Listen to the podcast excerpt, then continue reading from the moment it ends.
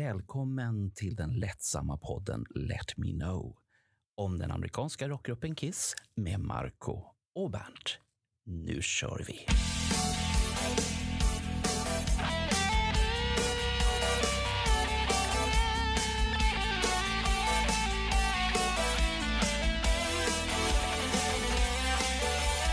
When it's really, really hot out, you can't get away from it. There's no denying it. So this show is hot in the shade. No matter where you see it from, no matter where you are, it's hot. Hej och välkommen till den lättjefulla sommarvarianten av Let Me Know som vi kallar Hot in the Shade. Och eh, de som har tagit över den här det är ju faktiskt jag, Mikael Anse och min kombatantkompis Magnus Rodén här på andra sidan. Hej hej! Hej hej! Men du Magnus, varför är vi här på Let Me Know-marken? Vi brukar vara på en annan podd, eller hur? Ja, nu ska det inte handla om Queen som det oftast gör i Queen Champions Low Cost Sweden. Vi går från en vlogg till en podd nu istället här som lite gästinhoppare. Precis, det är ju faktiskt Marco och Bernt som har bjudit in oss och tyckte att vi behöver semester. Kan ni ta över lite grann här i, i, i, i sommarhettan? Mm.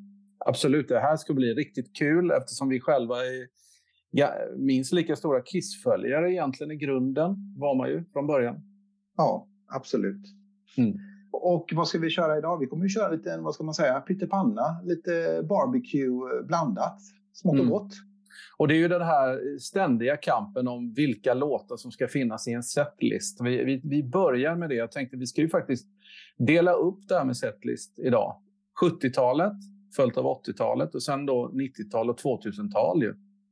Ja, du tänker att vi sätter upp en egen liten alternativ önskelista om vi fick bestämma, om vi fick eh, i ett alternativ Kiss-universum. Så ska vi se, eh, hur hade det sett ut då? Respektive Ja. din och min. Ja, och sen det kan bli både överraskningar och inte. Jag menar, det finns ju... Man, min tanke kring det här med en setlist ska ju vara att det kan funka live också. Alltså att det inte bara man, de tar obskyra låtarna så det bara sjunker som sten. Liksom. Det måste Nej, exakt. finnas ett flyt. Ja, Jag håller med dig. Och sen kanske vi tittar lite grann på soloalbumen från 78. Hur hade de sett ut om de hade turnerat med dem? Ja, det är ju en intressant tanke faktiskt. Och här ser vi ju bredden i Kiss, verkligen. Ja. Och sen ska vi titta på lite, lite personligt bottennapp. Vad anser vi, respektive Magnus och Mikael, vad som inte var så himla häftigt? Det ska vi gå igenom, bottennapp. Vi ska kolla på lite favoritprylar från våra samlingar, Kiss-samlingar. Mm. Ja, det är ju så. Ingen jättestor samlare, men det är ju en del saker som har betytt en del när man växte upp. Vi är ju oldtimers lite grann. Vi var ju med från början. Ja. Vad har vi mer då? Ja, vi ska väl också, när vi har gått igenom det så finns det ju eh, ja, vad skulle hända om eh, en medlem går ur tiden? Vem tar hand om allting, eh, alla grejer man har? Eh, man kan ju både tänka, vad händer med en Kiss-medlem som faller bort? Vad gör de med allting? Vad skulle Gene Simmons lämna efter sig till sin familj? Skulle de bry sig om det överhuvudtaget?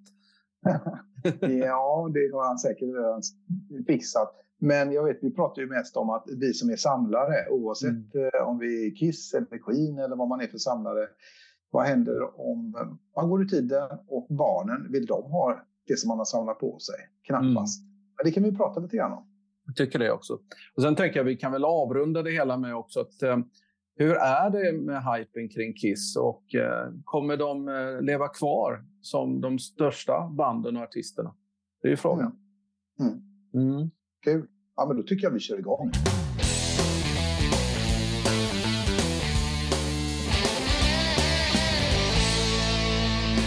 Ja, nej, men nu ska vi gå tillbaka till det glada 70-talet. Vi ska börja med en setlist här och jag tänker att det, är- det, det är väl bekräftat av de flesta man har träffat som gillar Kiss, som var med från början, att, att 70-talet är ju väldigt speciellt och det är ju svårt att välja.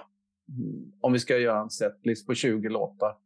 Ja, precis. Det är ju det här att vissa konserter, så här Kiss Alive, det är en klassisk platta. Man kanske inte vill ändra någonting på den. Men nu tänker vi så att 70-talet går ju från första plattan ända upp till, äh, vet du den, äh, ja, den går ju från första plattan upp till Dynasty.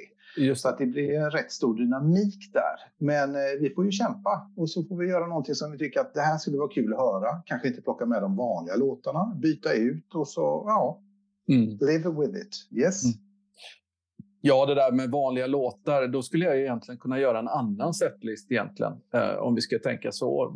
Som jag sa innan då, så det måste ju funka live det här och då blir det ju mycket klassiker som vi måste ha med, tänker jag. Mm. Mm. Men tänker... du kan väl börja? Du kan köra din lista. Ja, ja men alltså jag tänker lite så här.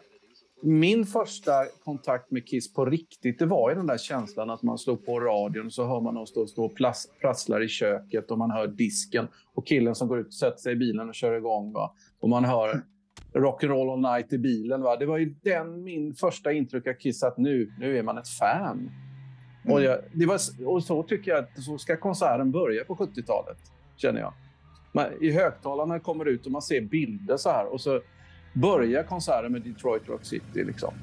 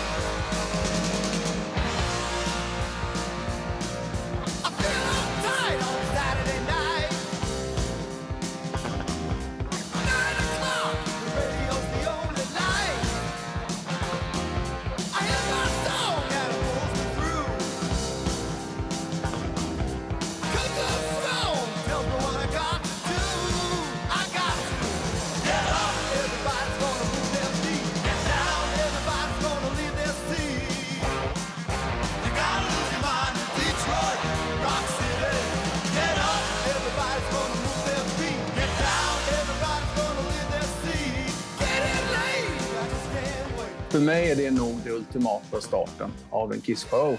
Och in i King of the Nighttime World. Liksom. Den starten, det är obeskrivligt bra.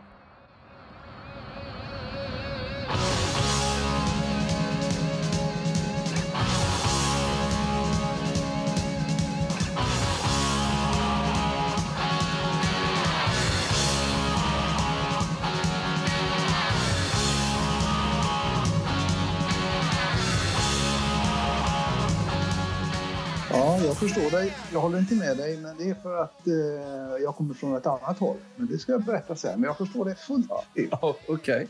Ja. Uh, och sen, sen då, tänk dig själv, det är som att få liksom två värsta bakelser på en gång. Och sen tar vi till två bakelser till med Deuce och Strutter.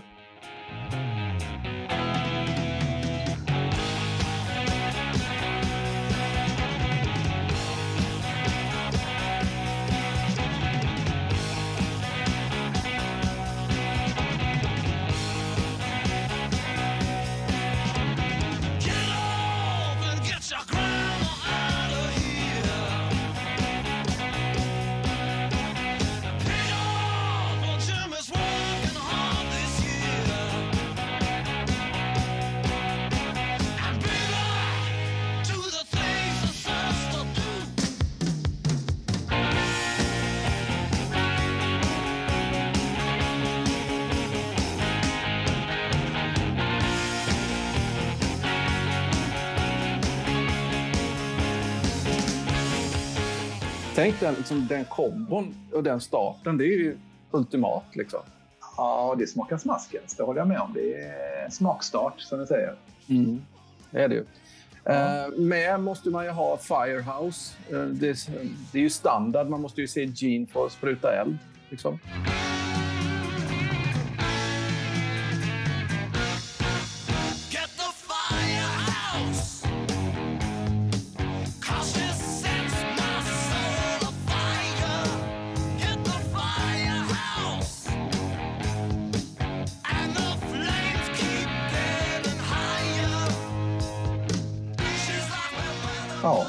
Och Nothing to lose. Ja, det är ju det där riffet och den känslan. Eh, vi har inget att förlora, vi Queen-fans, Höll jag på att säga, men vårt Kiss-fansen. Vi har inget att förlora av, av, av den. Liksom. Ja, men texten och allting, det, det hör samman till tidiga Kiss.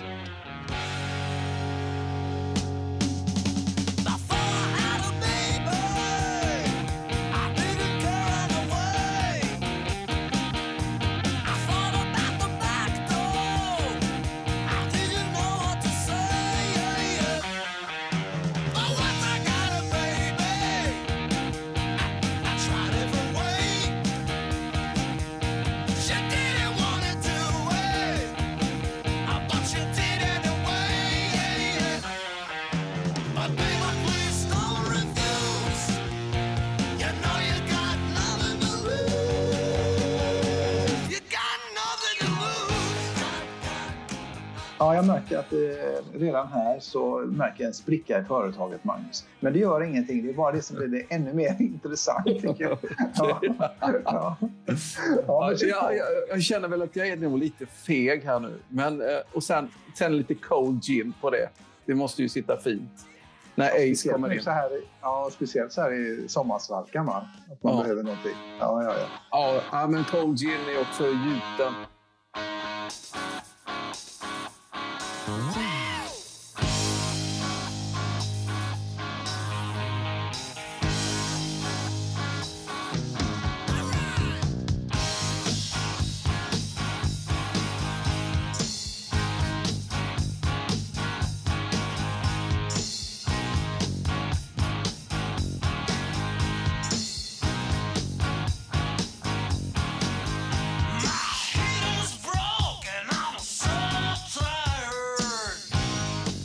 Sen har jag stått och velat mellan låtar, men eh, Ace har ju en speciell feeling i sina låtar där. De tidiga. Och Parasite på det också.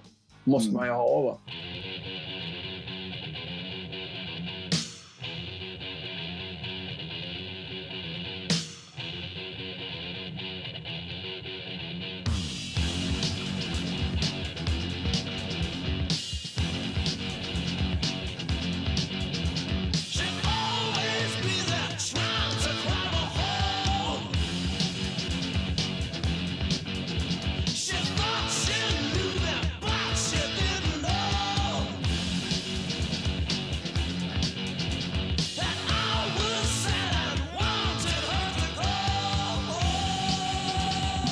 Sen finns det ju många såna obskyra låtar från Hotter than Hell som, man- som jag säkert skulle kunnat gilla mer idag om man har hört dem på liveplattan.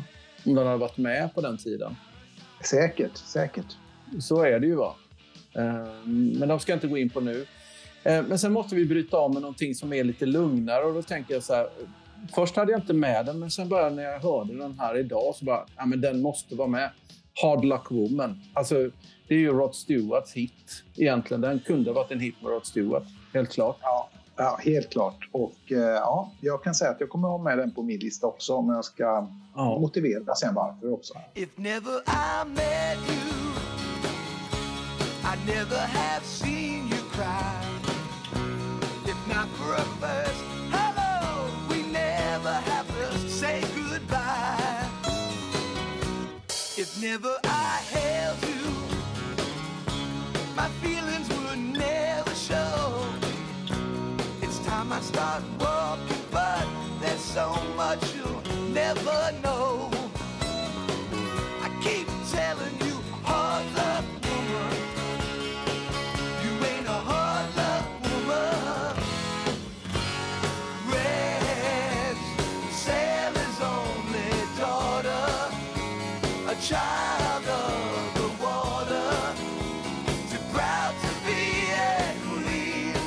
Ja, otroligt bra låt som jag tycker borde ha blivit en stor hit. faktiskt. Ja, ja. Mm. Eh, och sen då, så lite bra övergång där till Rock Bottom. Lugn, bra början och rakt in efter, efter den och för, försöka bygga upp från att gå ett riktigt, en upp, riktigt sån, eh, en, en kometstart liksom. Och sen då landar vi lite mjukt, Hard Luck Woman till Rock Bottom.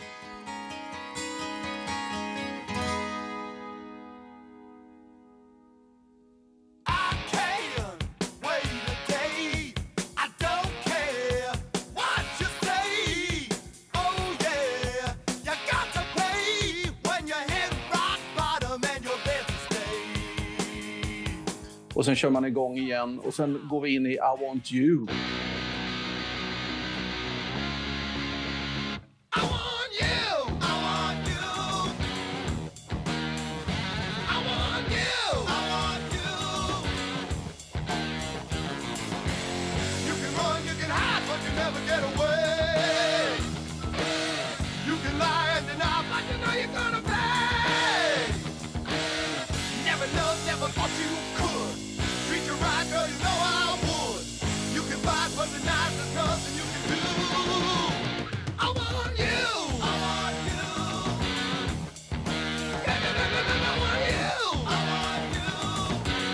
Den, Usch, den, usch. den, Oj, den, oj, den, den tycker jag skulle vara en höjdare att få. Mm.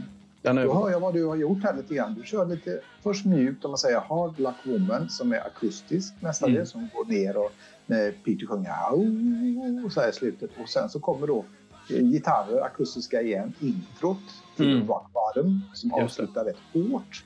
Och sen Mm. så kommer då I Want You som också börjar med en akustisk gitarr. Det är lite... Ja, Ja. det är snyggt. snyggt. Jag tycker det. Eh, En bra eh, trestegs eh, ska jag inte säga, men det är lite mer lite sådär bädda in sig i någon skön eh, sommarmiljö och sjunka ner i stolen liksom ett tag. Mm. Och sen, sen bygger man upp energin igen. Come on and love me.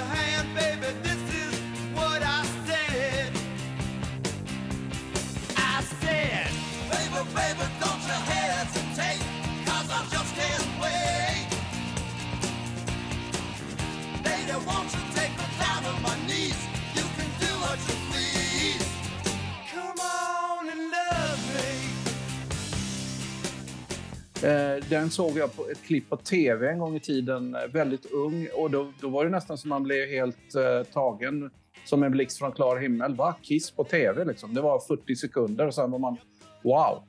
Eh, Samma här, samma här Magnus. Att det var nog faktiskt den första gången jag såg Kiss på tv live. Man såg Mm. just från här när de spelade Rock'n'Roll All Night och Come On Love Me. Men jag tror att det var Come On Love Me jag såg först. Mm. Att de visade det på en tv i en skivaffär.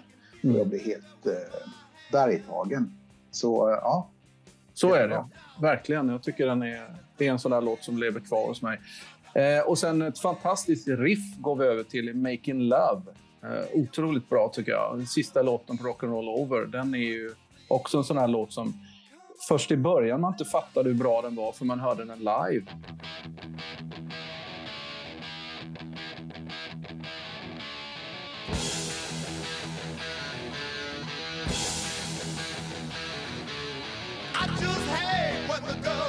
I really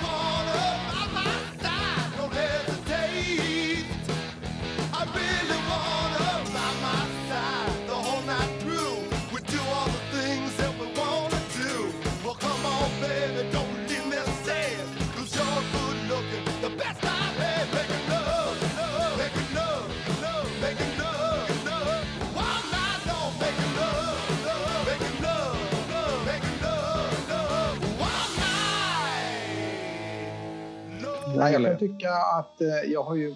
När man sätter ihop sådana här listor så är det ju jättemånga låtar som man skriver ner först. Och sen så måste man rensa ut. Vi ska vara med 20 Mm. och två stycken extra nummer. Så att det blir en del som får stryka på foten. Men det är en otroligt effektiv så här eh, turbolåt som liksom bara riffet tuggar Mm. genom hela låten. Ja, typ, typisk Paul-låt får man nog säga kanske. Ja, Ja. Eh, och sen en låt som jag tycker, alltså, jag vet inte, nu, det finns många Kiss, jag ska inte kalla er nördar, men supporters som är mer insatta. Men Flaming Youth är en sån här låt som jag blir mm, så här, dödligt glad över när jag hör. För den, den tar mig tillbaks på en resa varje gång jag hör den tillbaks när jag köpte Destroyer. Liksom. Det, det är en sån här som jag måste ha med.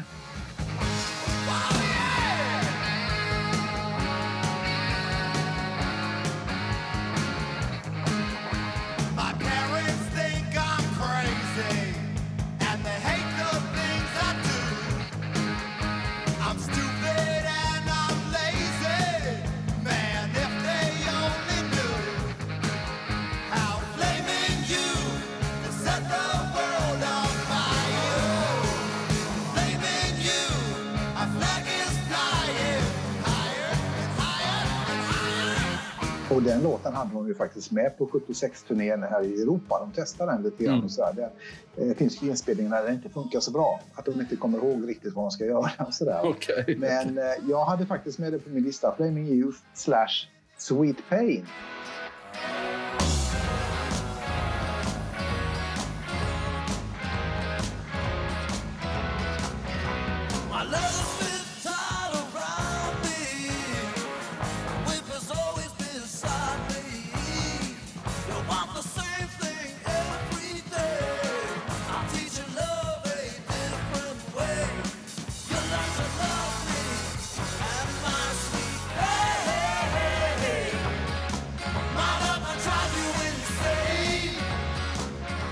Om de har gjort ett litet medley. För det hade funkat med de två. Mm. De går ungefär samma takt man kan göra. Nu har inte de gjort några medley. Men eh, det kan Mm. du komma in på senare. Men eh, visst, Flaming Youth. Vilken eh, rockstänkare va? Ja, den är lite rolig. Den, den har väl, det är väl olika gitarrsolon på den. Eh, när man, deluxe-utgåvan och sådär. Man kan få höra. Ja, det var Sweet Pain.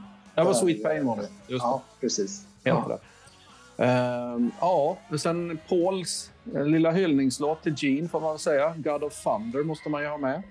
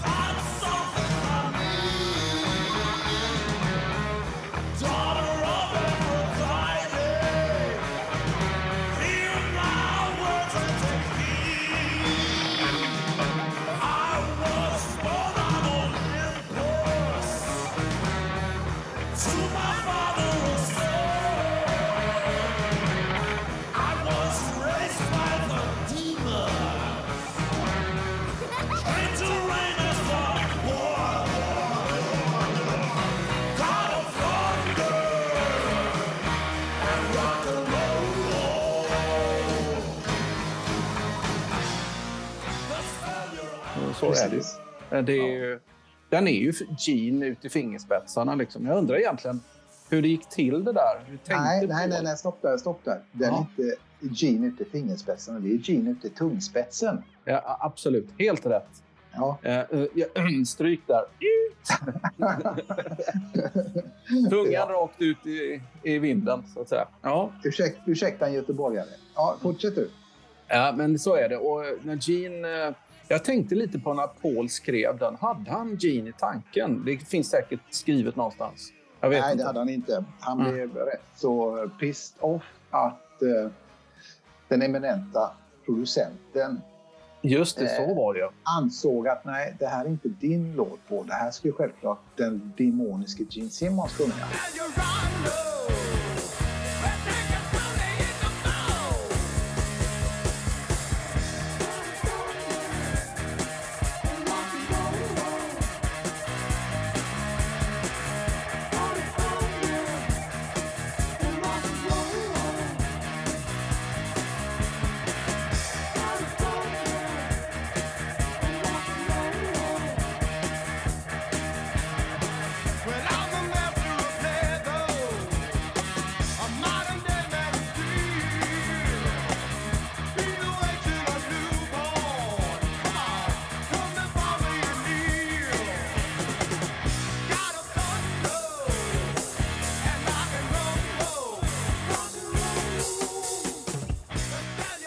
Och det tyckte inte Paul. För lyssnar man på demon, eh, Paul sjunger den, så är det ju, den är ju liksom lite annorlunda. Mm. Plus att den har en sån här disco-trumkom som faktiskt eh, J.R. Smalling var skyldig till där. Det är lite där tick-tick-tack, tick-tick-tick-tack. Eh, men rätt häftig också. Men eh, sen blev den ju kanonbra med G. Ja, den växte fram och blev någonting helt annat. Den blev ett monster. Lite Ja, så, exakt. faktiskt. Ja. Ja, men sen, sen är eh, alltså, det är fantastiskt när man tittar på den här listan. Alltså, jag skulle kunna tänka mig att gå på den här konserten. Love Gun sen måste man ju ha.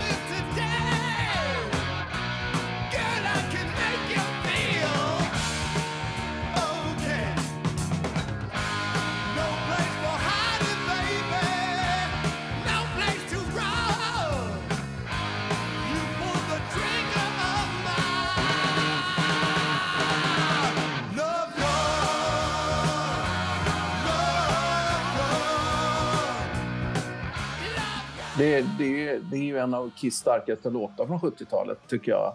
Eh, och det är en klassiker som lever kvar hos mig. Jag tänker eh, framför allt när jag hör den så hur viktigt omslaget var och hela, he, hela den världen av Kiss som ramlade på en i den åldern. Jag var ju då, vad fasen var jag nu? Ska jag tänka efter. Jag var 12-13 års åldern. Ja, den kom ju 77. Juni 77 kom den. Ja, just det. Och jag bara, fortfarande så kommer jag ihåg hur vi, alla kompisarna samlades. Jag kom ihåg första exemplaret och den köpte jag eh, hos en, eh, en liten sån här gårdshandlare som hade en liten butik nere i sitt hus där jag bodde ute i Rinkebyholm i Kalmar. Vi gick ner där och bläddrade och han hade tagit in den skivan. Man var så här liksom. Det var fantastiskt. På den tiden så var det inte så att man visste när skivorna kom ut eller någonting. Nej, rätt som det var så antingen så visste skivhandlaren vad du tyckte om. Vad den här lilla 12-13-åringen gillade och sa okej nästa vecka så kommer det. Så, och då kunde man ju på att göra byxan. va. Eller så stod den bara där som du sa att, och så fick man ta upp den och så låg det Mm. inne i skivkonvolutet fanns sådana här små eh, stickers sådana som man kunde sätta på fake-tatueringar. Ja, Och det exakt. fanns eh, skivpåsen där på, på en mörk grön marmor där det stod Kiss i blod skulle det då Mm. föreställa. Det såg mer ut som eh, nagellacken och sådär. Men alltihopa var ju menat att man skulle sitta och titta medan man lyssnade på de här låtarna. Och Love Gun där, den är ju i mitt tycke från Love Gun-plattan en av de bästa. Den tillsammans med I Stole Your Love. Mm. Absolut. Båda två är ju Paul-låtar såklart då. Ja, då var han, hade han nått lite sin peak där tycker jag. Faktiskt. När han skrev. Men från Love Gun då, eh, förutom att eh, de flesta Kiss-fans har väl samlat den här eh, pistolen man fick med i omslaget också. Jag tänker.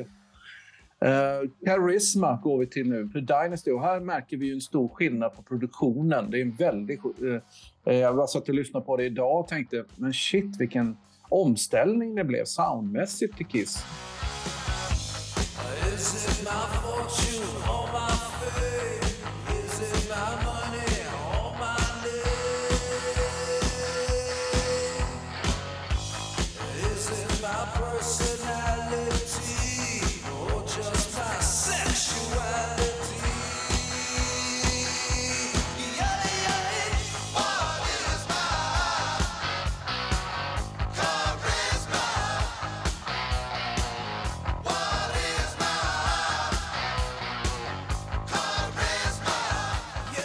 Här märker man ju också att de har jobbat med sången på ett annat sätt. Och Jeans röst här tycker jag är fantastiskt bra. Jag älskar Jeans sång här. Mm. Den är också mycket honom i persona, liksom, verkligen. Eh, Howard Marks känner jag inte till som medlåtskrivare här, men jag tycker att eh, den här låten kommer jag ihåg väldigt starkt när jag kom. När jag köpte Dynasty och eh, jag fick den här stora affischen också, kommer jag ihåg, med skivan och sådär. Den för mig var väldigt stark. Och I was made for loving you, visst. Men, men den, det var inte det som var det viktigaste på den skivan. Jag tycker att Charisma var viktigare. Mm, ja, jag måste hålla med att just på Dynasty-plattan så håller jag Jeans låtar högre än vad jag håller Pauls låtar. Och jag tycker även att Ace Frehley har eh, s- snäppat upp sig rejält här. Så att, eh, ja. Ja, så är det. Känner jag. Och sen tar vi då någonting från eh, Alive 2. Man fyllde ju inte hela Alive 2 med helt liveset, utan då blev det ju sida 4. Som Ja. är lite spännande projekt tycker jag. All American Man och alla de här låtarna liksom, tycker jag var eh, något helt nytt med Kiss där som dök upp eh, som en bonus får man väl säga lite grann. Mm. Men då, då väljer jag Rocket Ride, ännu en Ace-låt som jag tycker är fantastiskt bra.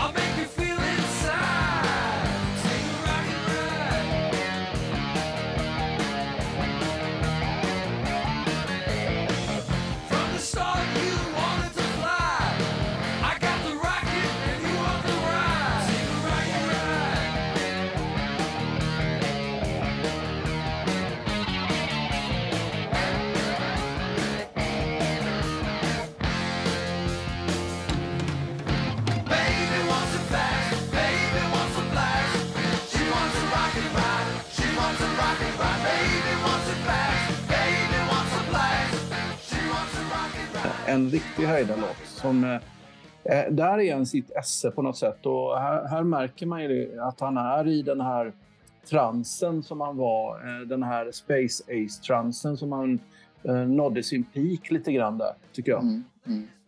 Mm. Bra gitarrsolo, bra känsla, det är bra produktion. Allting där. Mm. Nej, du har rätt. Såklart. Såklart du har rätt. Okej, jag har rätt. Ja. Tänka sig. Ja. Ja. det finns inget rätt med musik, men smaken är ju som den är. Och jag tänker så här, och då tar vi ju upp I stole your love där också. Självklart måste vi ha med den från Love Gun. Det, det är två oerhört starka låtar.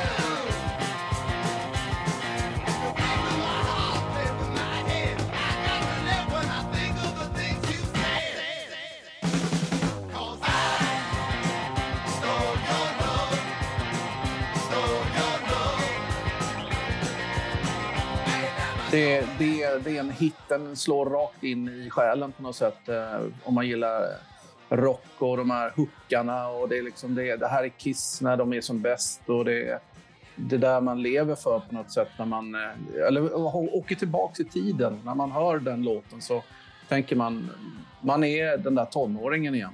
Verkligen. Ja, absolut. Mm. Eh, och sen rundar vi av lite snyggt och det är väl en klassiker. Den, den kan vi inte leva utan. Det är ju Black Diamond.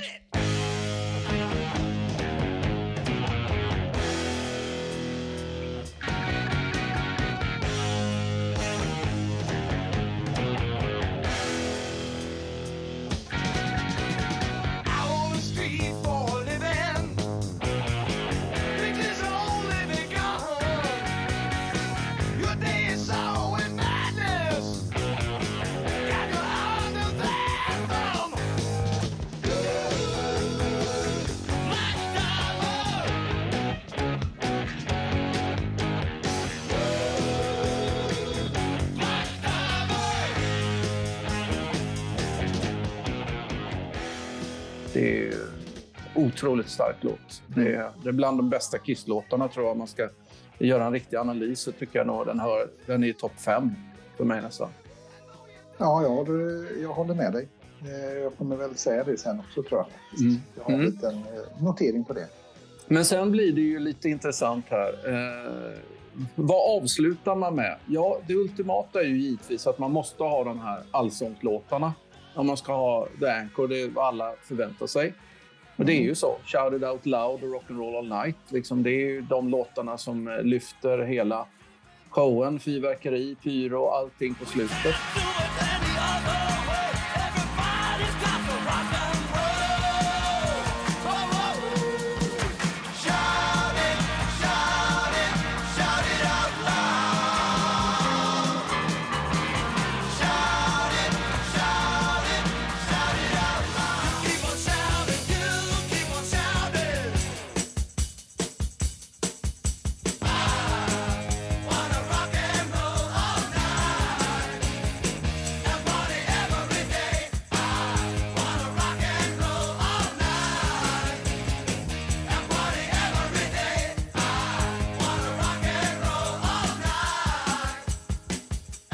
Och då har man väl en ganska ultimat lista tycker jag, där alla skulle gå ut och vara rätt nöjda, tror jag. Ja, absolut. Uh, och, det, och visst, det fin- jag skulle nog kunna gjort en lista och lagt på fem, sex låtar till om man fick välja. Vi kör, vi Ja, kör Springsteen-stuket, vi kör en timme till. Liksom. Det hade ju Ja, gått det att göra. Ja, det det. Bruce gör ju det, men Kiss är ju mer sparsmakare så. Att de, eh, de ger det och så leave the audience wanting more. Just det, så är det. Där har jag mitt 70-tal. Eh, jag har säkert missat någon. Vi får se om du har någon rolig som inte jag har valt här nu då. Du, det lustiga är att jag har faktiskt exakt samma som du har. Jag vet inte hur det gick till. Så det går Nej. direkt över till 80-tal. Nej. Nej. nej, nej, nej. Nej, det har jag inte. Och det är ju faktiskt så här att, eh, som du säger, de ska ju funka live. Och sen så har jag tagit lite chansningar, sånt som man kanske inte hört live. Men när jag satte upp listan här och tog bort låtar och tog bort låtar och tog bort låtar. Så tänkte jag, vilken ordning? Och sen kände jag, men jag delar upp dem lite grann precis som det har varit en liveplatta. Eh, Så sätter jag då fyra, fem låtar och sen så tänker jag, sen vänder man på skivan eftersom det är vinyl jag pratar om nu. Eh, och så tänker jag vilken ska öppna sen och så kommer det och sen kommer nästa sida och så vidare. Så lite det i åtanke och då öppnar jag ju självklart inte med Detroit Rock City utan jag öppnar med Juice. Ja, som i min värld är, ja, i min värld så är det världens bästa öppningslåt för en Kiss-konsert. Mm. Och då säger jag bara Kiss Alive.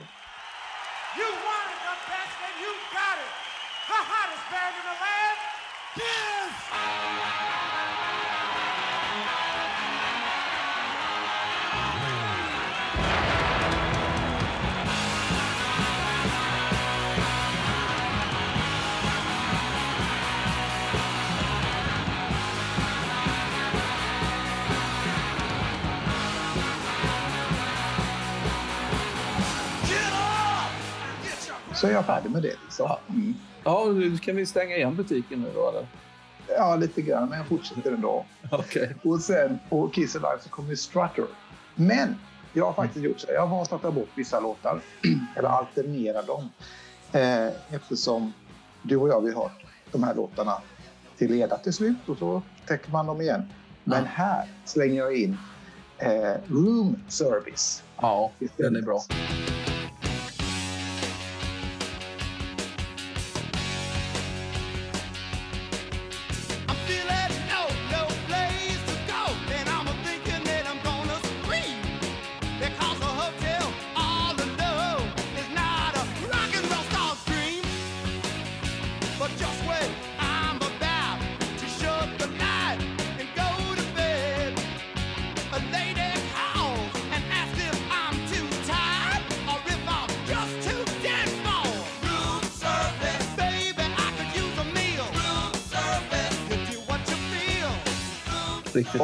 Så att, ja, jag älskar ju den då och jag älskar den fortfarande då, Dress to Kill-plattan.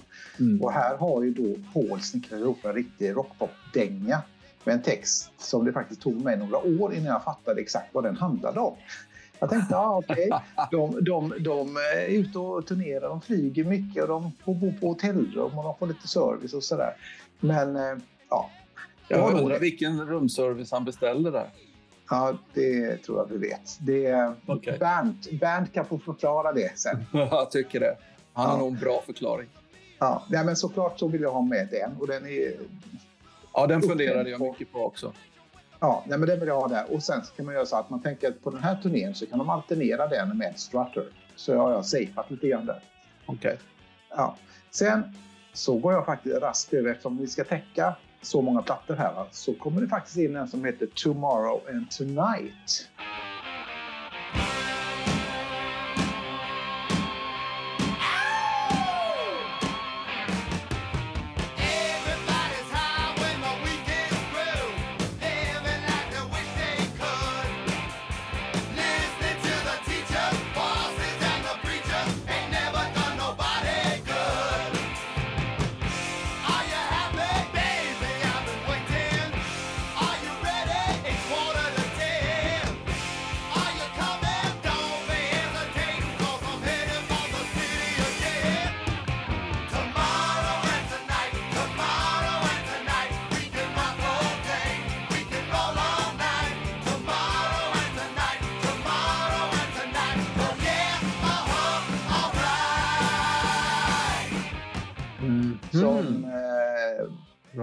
Första var Abuse, det får Gene sjunga. Paul Mm. kommer över och han tar två låtar där. Och då blir det Tomorrow and Tonight. Eh, det är en riktig partydänga. Och det hade ju varit kul att få höra denna på riktigt live. Mm. Inte som de hade på Live 2. Eh, där det inte riktigt var live kanske. Men den tycker jag är schysst, speciellt när de kör den lite hårdare. Ja, men den är bra. Det är också en, en av de där som bubblar hela tiden. Ja. Tycker jag. Och då känner jag att då har man inte heller låst in sig att det bara är från liveplattan, eh, den eran. Men vi går tillbaka till den, sen kör jag precis som du, Cold Gin. Här Mm. fortsätter ju partyt och här kan då eh, Paul köra sin rap om eh, Does anybody here like the taste of alcohol? Yeah, man. Eh, ja, och så får Gene sjunga då en av Ace absolut bästa låtar. Då är jag nöjd. Mm. Härligt. Och sen säger jag att då rundar jag av sida ett med I stole your love. Mm. eh, som du också hade med. Och det är en kanonlåt. Som Ja, öppnade Love Gun-plattan och man var ju helt nyfrälst när man satte på den nyinköpta skivan då, sommaren 77, som jag sa innan. Men nu avrundar du första sidan med den. Det var för, första sidan så att eh, man hade ju kunnat tänka att man öppnar upp med den, men då öppnar upp med ett litet annat kort. Nästa låt är faktiskt då X-Ray Eyes.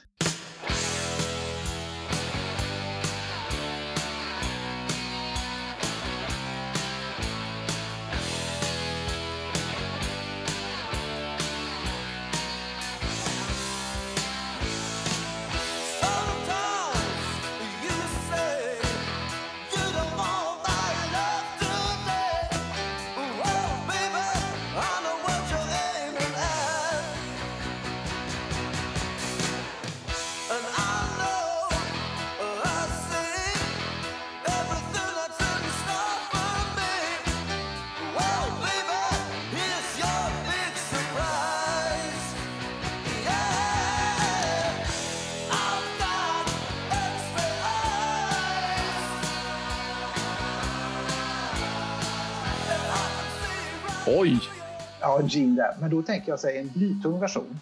Mm. Eh, så denna lite senare låt att ersätta den tidigare Gene-låt, typ Watching You. Och här Mm. är då demonen Gene som får skjuta laserstrålar från sin, ja, sina axelskydd eller att de har gjort en specialgjord hårsnodd till tofsen så att när han sjunger detta så kan han då skicka ut lite laserstrålar. Så här, va? Ja. Men den ska ju vara...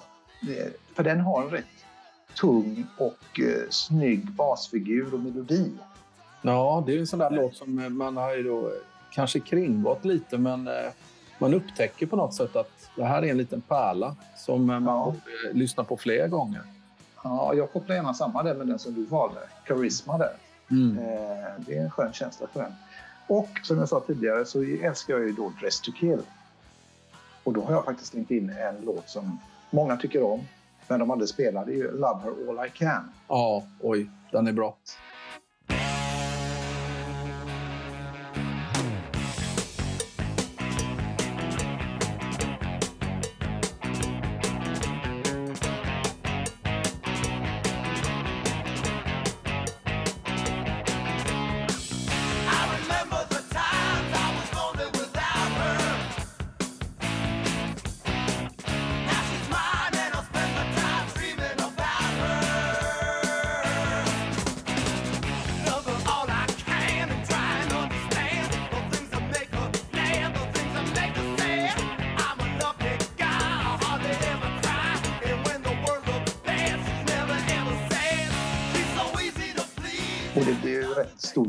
Brytning efter X-Ray Eyes så kommer Paul in och sjunger Love Her All I Can. Hela Mm. bandet rockar och poppar och alla dansar.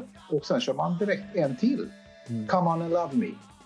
Ja, det är en bra två, sväng, ja, två svängiga spår från Dress to Kill. Och Paul visar vem som är den sexiga kärleksprofeten i bandet. Underbara låtar.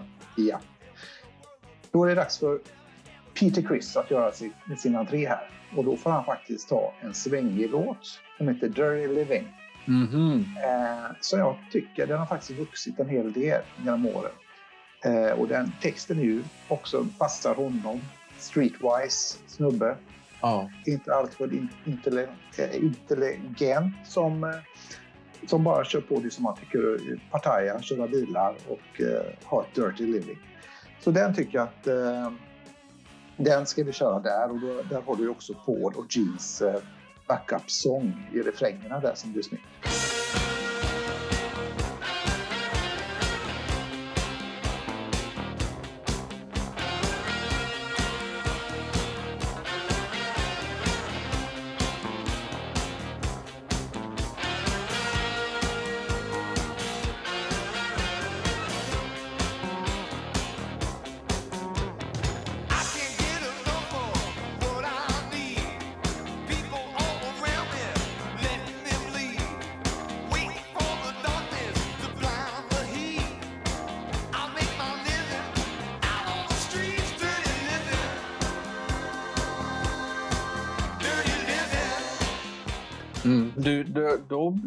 Ändå liksom att du lyfter fram saker ur Dynasty där som kanske man har glömt lite. Ja, och jag kommer fortsätta med det. Ja. Den, här, den här sidan, sidan två, kommer avslutas med jag vet att vissa tycker den är skitkass, men jag tycker den är riktigt skön. Speciellt med trumfilsen i den också. Det är Save Your Love. Mhm. Ace får sjunga där.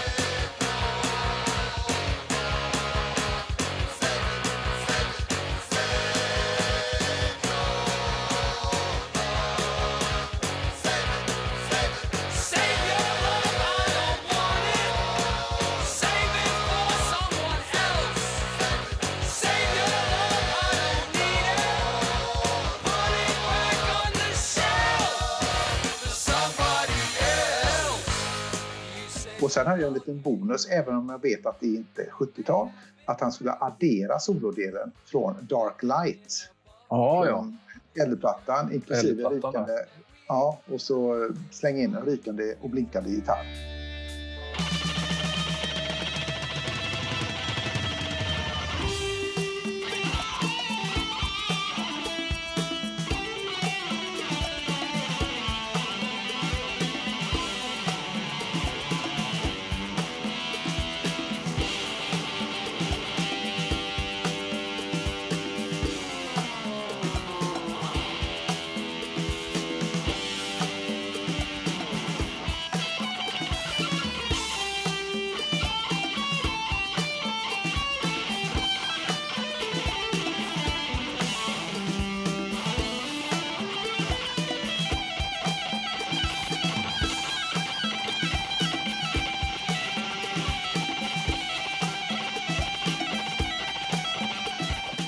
Gillar den. Eh, och det är Anton Fix som spelar trummor på den då. Men eh, det är schysst när de eh, kör eh, fram och tillbaka med gitarren och att trummorna får eh, köra lite trumfills där också. Mm. Ja, spännande lista du har fått ihop hittills tycker jag. Ja, ja. Eh, men sen går jag tillbaka. Då kommer en låt som jag inte riktigt kan släppa. Precis som du hade med Nothing to lose. Så Mm. väljer jag Got to choose. Ja, den tänkte jag på också ett tag. Ja. Ja, det är så många låtar man vill ha med. Ja. Men Got to choose tycker jag det är ett underbart riff och det är en av mina favoriter från det gamla Kiss. Då. Det är lite Stones och lite stenåldersrock sådär. Va? Så att, eh, Mm. helt okej. You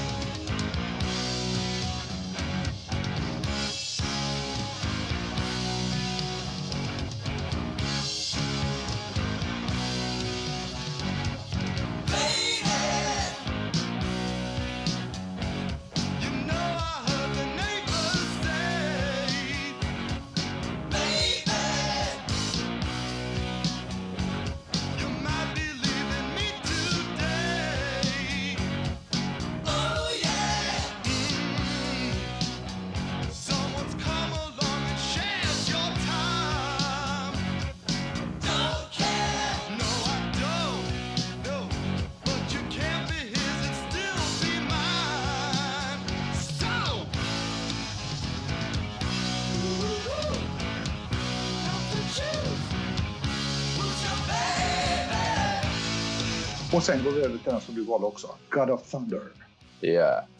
Och det är ju ett måste. Gene får spotta blod och han får vara riktigt, eh, ja, Gene. Han får vara Gene.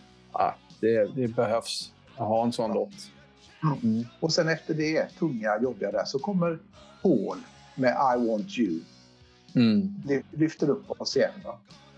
Och det här är faktiskt min favoritlåt från uh, Rock'n'Roll Over, måste jag säga. Ja, den är ju en sån där låt som jag kommer ihåg. Eh, vi lyssnade på, till och med tjejerna gillade, kommer jag ihåg, i skolan. De gillade den också.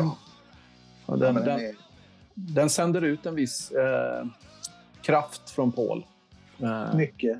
väldigt så. Han börjar, han börjar så här vänt och, och vackert och sen så kommer den här eh, gitarrfiguren. Han kör från C till D. Da, da, da, da, da, da, da, da, da, da, da, da. Mm. Och så går den på hårt. Va? Mycket bra. Sen kommer ytterligare en Paul-låt från samma platta som han själv inte tycker är något speciellt men många fans vill höra. Det är alltså Mr Speed. Mhm. Eh, det är ingen tung låt, men det är ändå, jag tycker den är aldrig luftad riktigt som den förtjänar. Så den skulle jag också vilja höra där då. Det är ett skönt riff.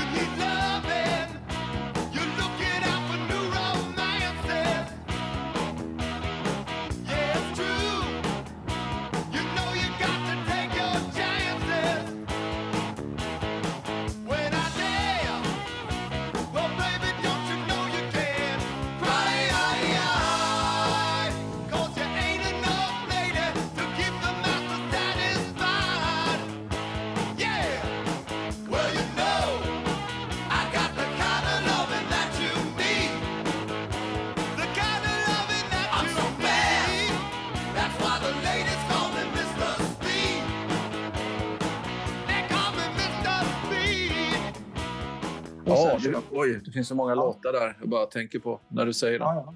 Ja, och sen så fortsätter vi och så gör vi avslut som du sa förut med Hard Luck Woman. Eh, Ja. Och det är ju denna hjärtsmärtelåt som Peter då får sjunga. Och det Mm. får han göra istället för Beth. Jag valde att inte ta med den. Nej, men jag tänker också det att uh, Beff i all ära, men jag känner lite att den faller utanför ramen lite. Ja, så är det faktiskt. Mm. Då går jag in på eh, sista sidan kan man väl säga då. Då kör jag faktiskt, jag hade innan hade jag en låt från Press to Kill där, men jag bytte ut den mot Rocket Ride. Eh, Rocket faktiskt Ride. det- Ja, för det är lite grann Ace nya Shock Me, fast den är snabbare och lite bättre solo på den här Ja. också. Det är mer energi. Ja, Jag gillar den här effekten de använder, som eh, phaser-effekten eller vad det Just heter. Det. det är så Ja. snyggt med det här. Ja, det är snyggt. Jag håller med dig. Håller med dig. Och sen går vi direkt över till Love Gun.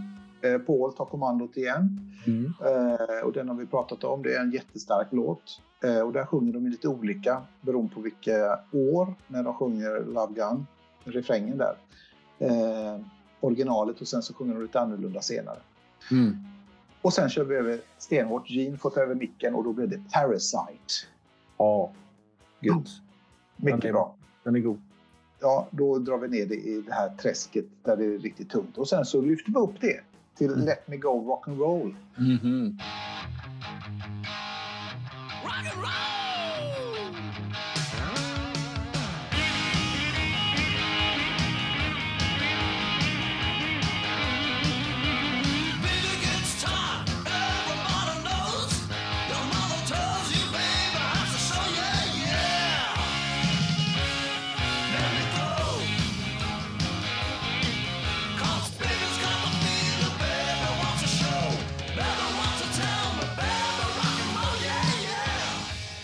Det är party och eh, jag tycker att Ace soloparti i den låten är ju bara så jäkla bra. Va?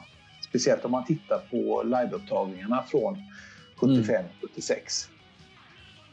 Det är, ja. Ja, men det är strålande. Det är, en del har väl eh, man har läst då när jag kommer ihåg när de återförenades då, eh, 97 eller vad det är.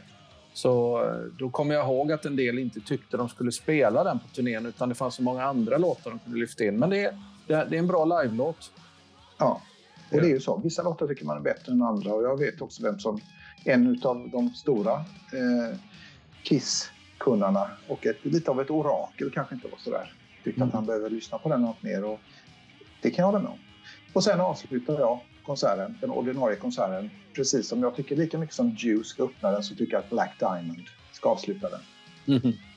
Och det är som du sa, det här är en av mina absoluta Kiss-låtar. Så är det. Det är en diamant. Absolut. Det var En diamant. 70-talet. Underbart. Eh, Ja, men du, ja. jag har inte tagit någon extra nummer än. Ska du ha det? Du, Ja, har det redan klart. fyllt din kvot här. Nej, nej, nej. nej. Nu kommer de. Och då, då, när publiken står och skriker, då kommer de med Detroit Rock City. Så då öppnar de upp. Det är det första. Ja. Och eh, manglar över dem. Och sen när de vill ha mer så avslutar man inte med Rock'n'Roll Night. Nej. Jag känner att den har gjort sitt eh, just på denna listan i alla fall. Utan man kör istället Shout It Out Loud. Ja.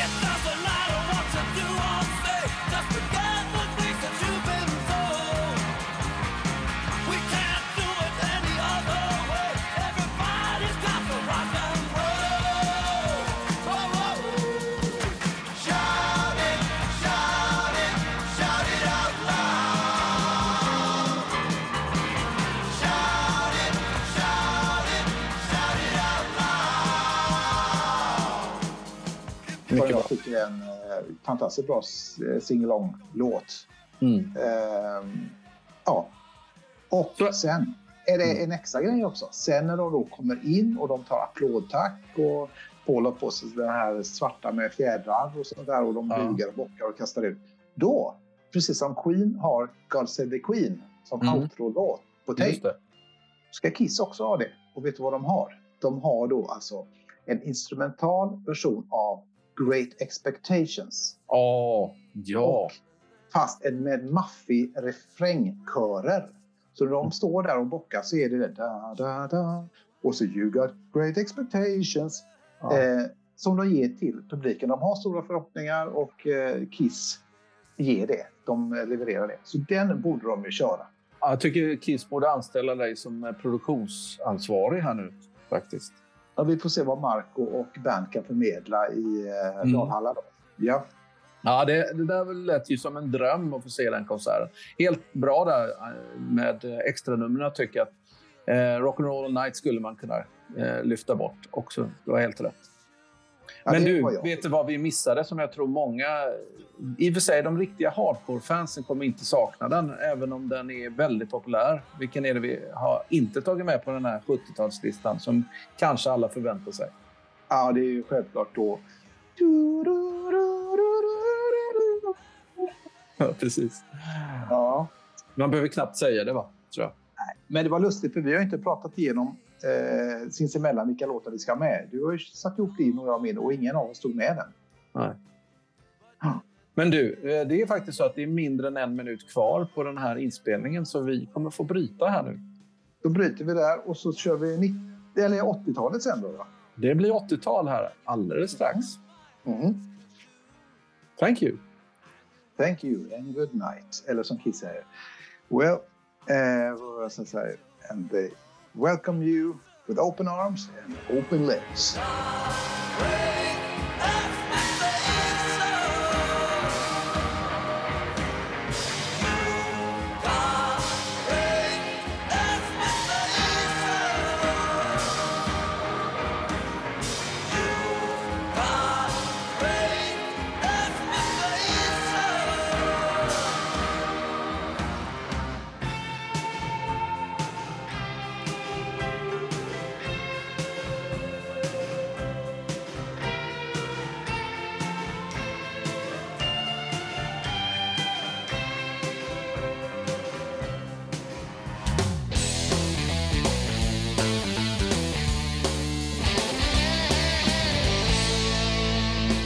Då kommer vi till eh, del två här då. Eh, Precis. Och eh, det som Bernt brukar fråga efter, har vi några kläder på oss när vi sänder, när vi spelar in våran blogg, Queen-blogg. Nu sitter vi i en podd, så att det är bara rösterna, så vi kan väl erkänna att nej, vi har inga kläder på oss. Nej, jag är lika hårig som Paul just nu känner jag. Ja, men nu ska vi ge oss i kast med 80-talet.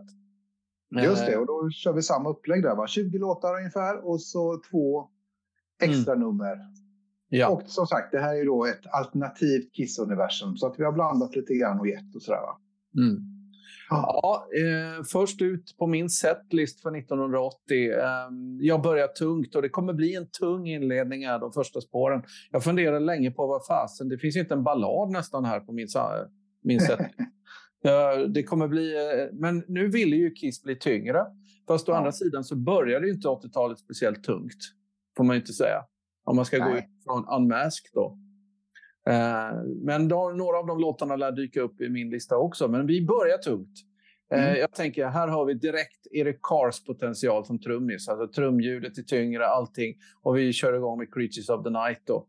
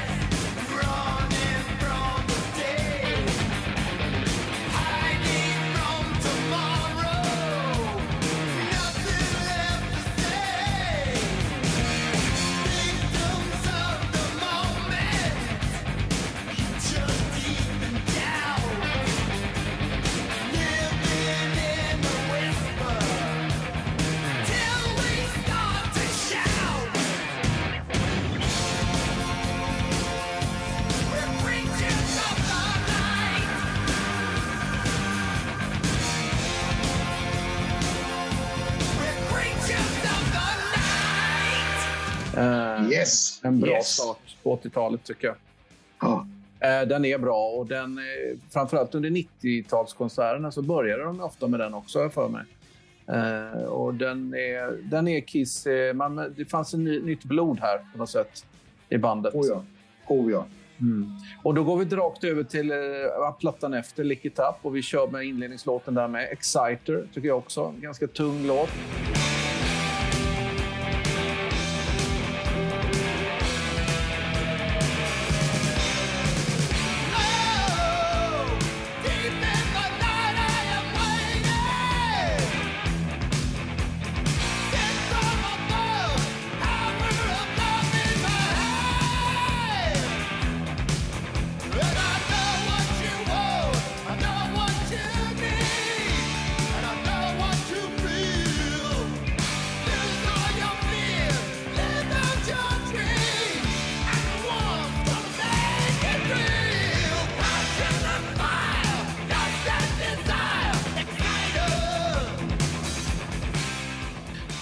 Kanske inte någon sån här låt som spelas ofta i Kiss repertoar.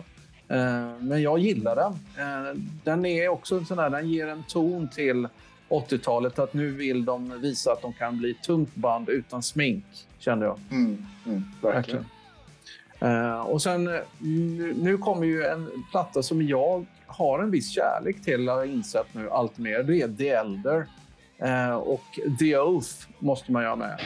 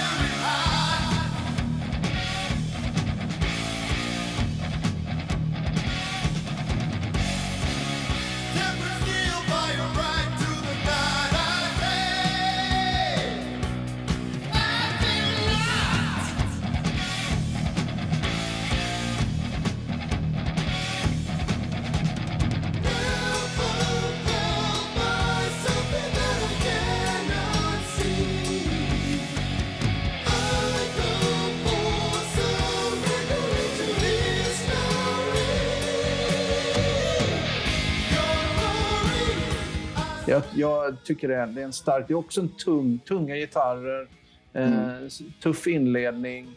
Det känns som att det där kanske kunde varit heavy metal-plattan eh, som de hade utlovat från början.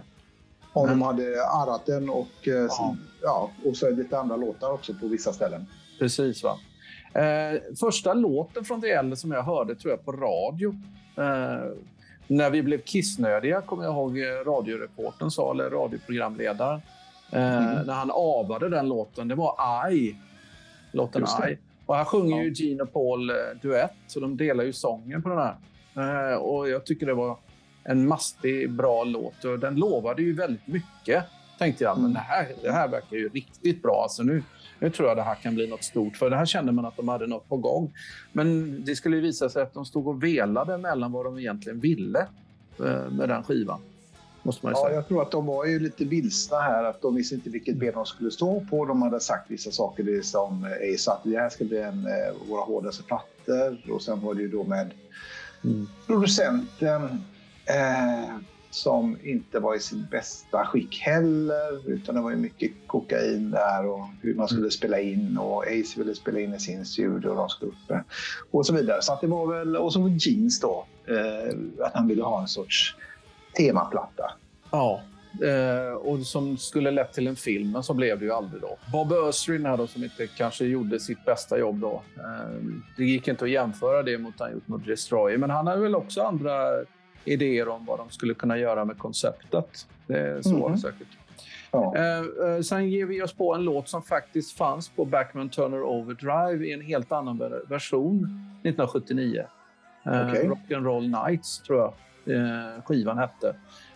Jim Vallen som skrev, skrev låtar med Brian Adams hade en låt.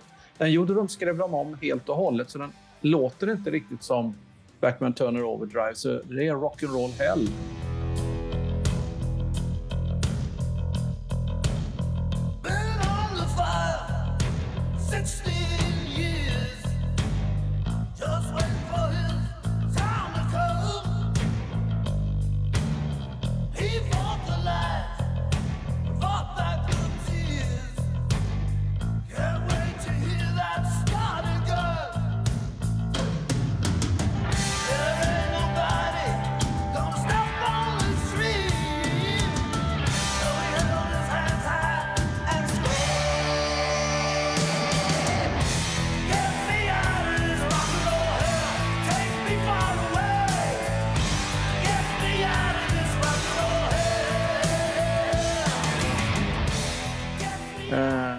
Också en låt som har lite så här... Om man lyssnar så finns det mycket Brian Adams-influenser i den. Och så lägger vi på tyngre trummor och lite andra gitarrer så blev det lite mer Kiss av det.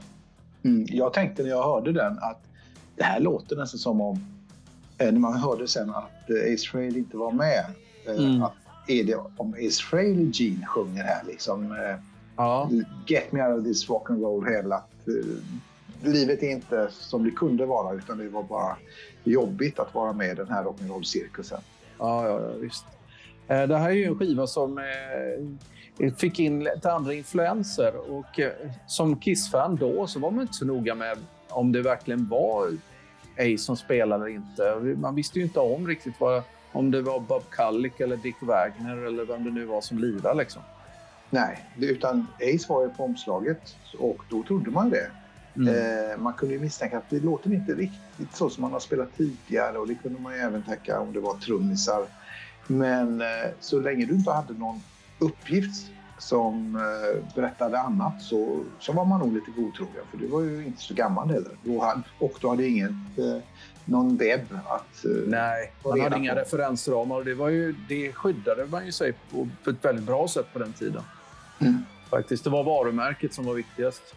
Absolut. Ja. Eh, och sen går vi på Lick It Up-skivan igen. Andra låten är Not for the Innocent. Oh, jag gillar den här. Den är tung. Och här hörs ju att Vinnie Vincent, eller eh, ja, han har ju varit med.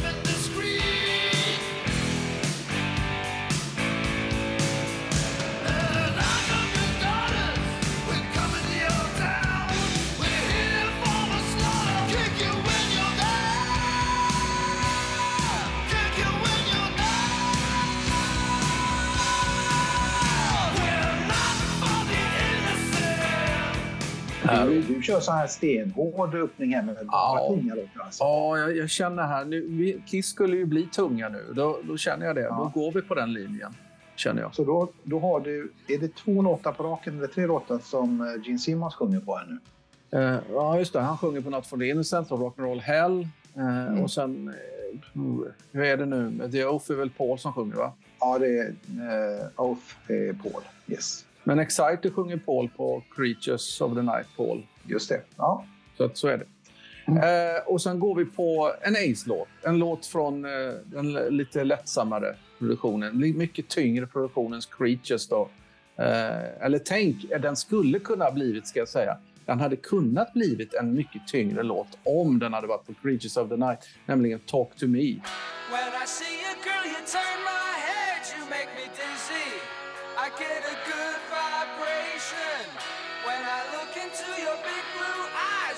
To quiver and shake.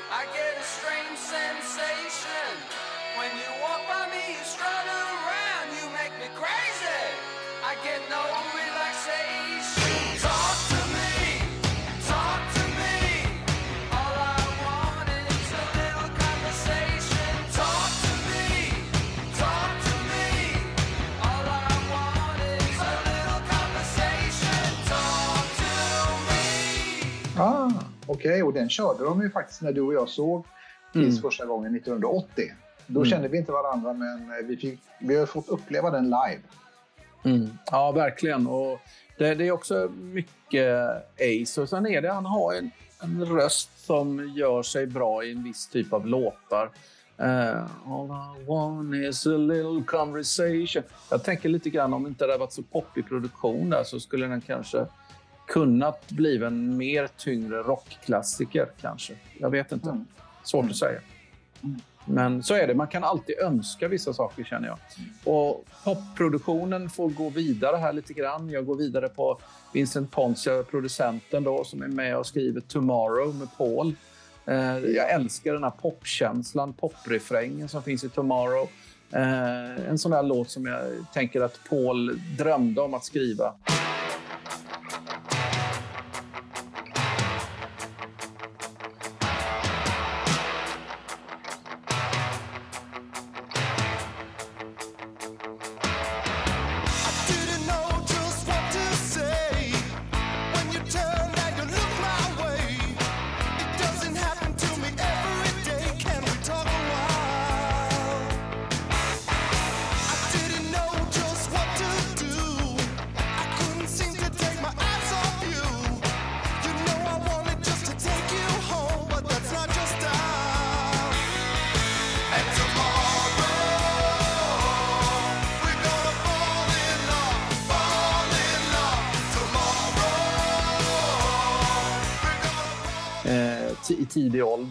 Ålder. Liksom, att göra den här typen där han mixtrar allt från, eh, vad ska man säga, ta eh, någon sån här ungdomspop från tidigt 60-tal och så blandar han upp det med lite mer Zeppelin och allting på något sätt. Ja.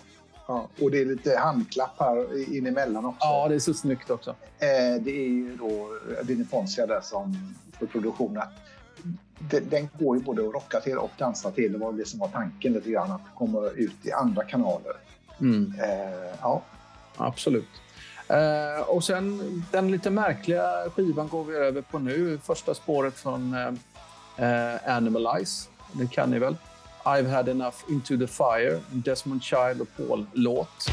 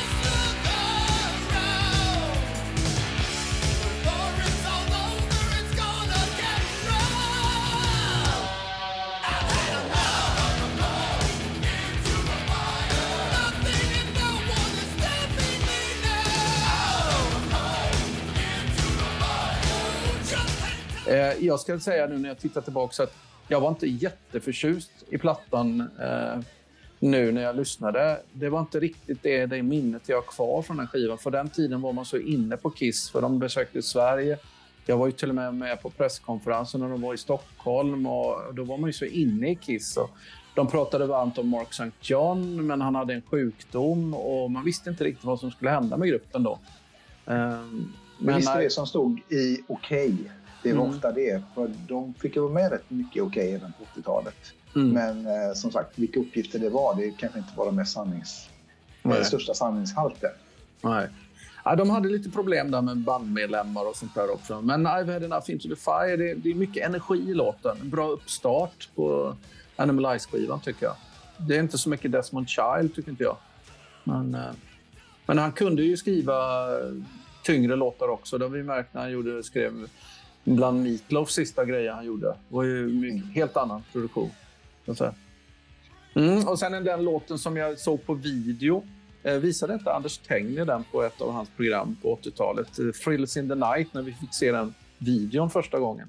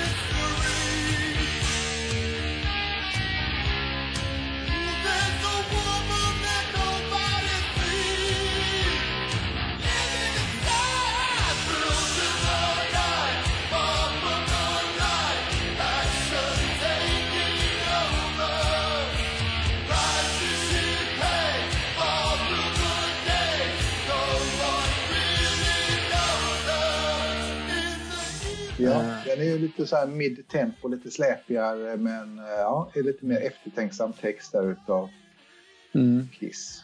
Så är det Jean Boar, eh, som bodde i Sverige länge, eh, var ju kompis med Paul, var med och skrev den.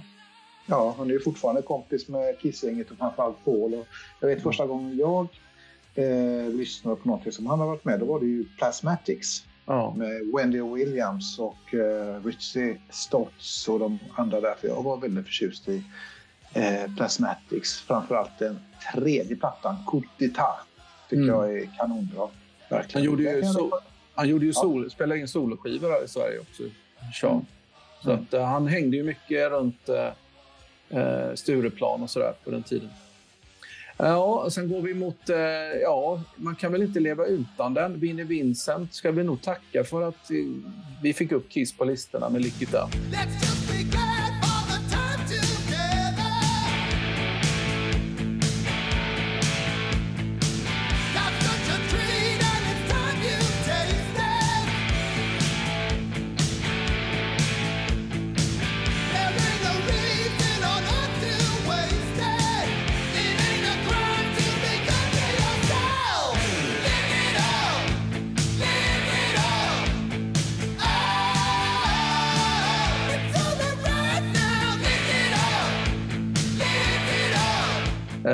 Måste ju vara med i en setlist. Jag tror det känns lite konstigt om jag inte skulle ha med den. Eh, för att Kiss behöver ha de där lite starkare korten också uppblandat med de lite svagare om man säger så. Mm. Uh, nu är den ju väldigt simpel, men jag, jag satt här nu på midsommarafton med en gammal kompis som älskade Kiss och växte upp med dem och ACDC och allting.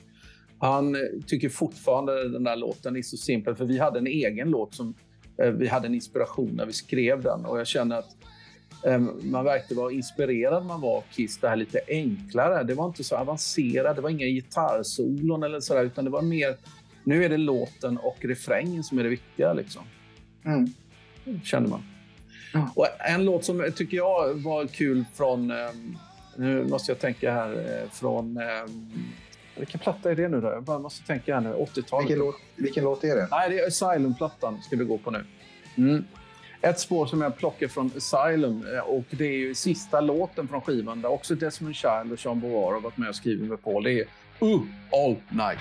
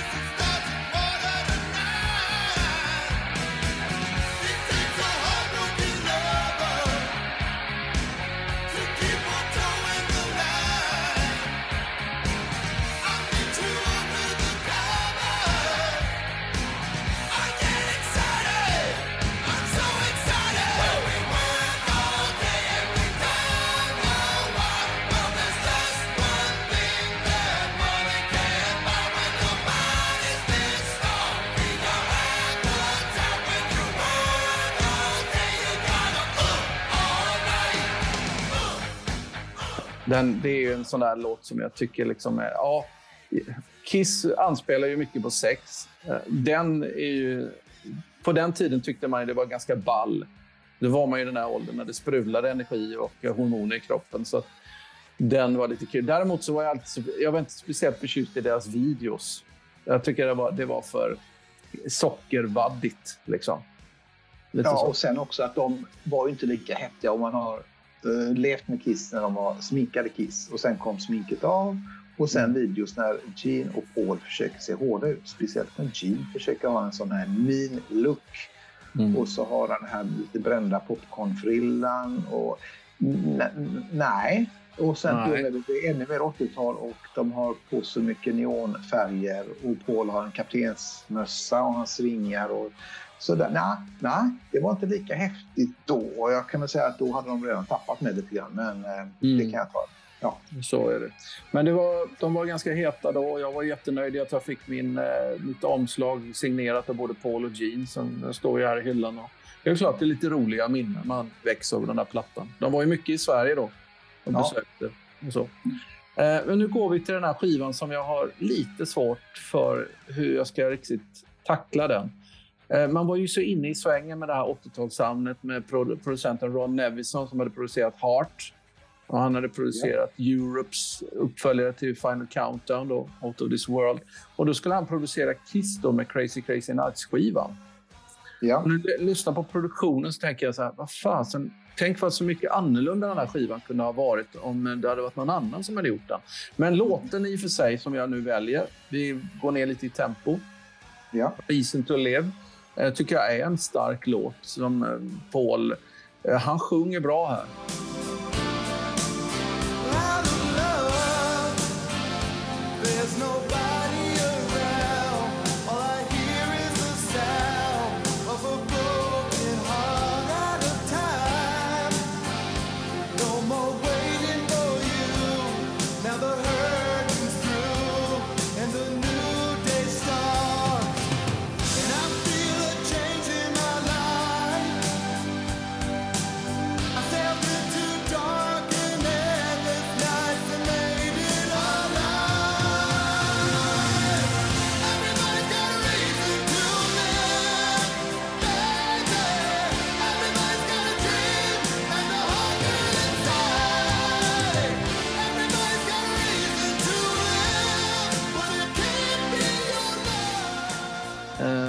Jag, jag känner att han, det, det är en låt som han, betyder något på något sätt för honom. Uh, och jag känner att den går igenom lyssnaren. Och sen skitsamma om inte produktionen är så jäkla kul. Uh, ja. de här, det är, Ron Evison har ett speciellt um, virveltrums-sound uh, som gör att det låter likadant. Så det, den produktionen som är på Kiss-plattan kan lika väl ha varit Hart som hade spelat in, sjungit in. Faktiskt. Eh, och det är likadant, jag måste ju välja några låtar från skivan eh, och till en låt som Diane Warren, en av de mest eh, inflytelserika låtskrivarna. Skrev med Paul, det är ju Turn on the Night.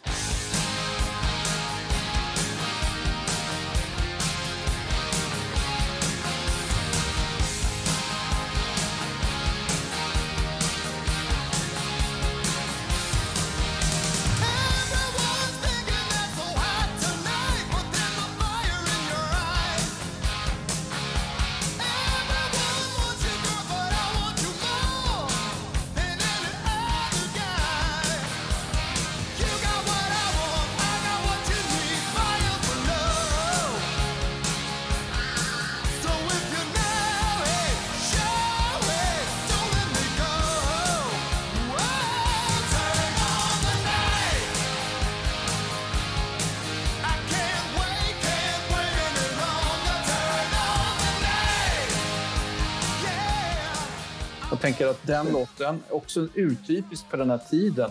Men Ja. jag tror att i, ett nyare, eller snarare en äldre Kiss-produktion eh, idag så hade man nog kunnat gjort om de där låtarna till något helt annat som hade varit mycket bättre. jag. Det är därför jag ger dem en större chans här nu i min setlist. Mm. Och det känns lite grann som Kiss var ängsliga. De visste inte riktigt var de skulle stå.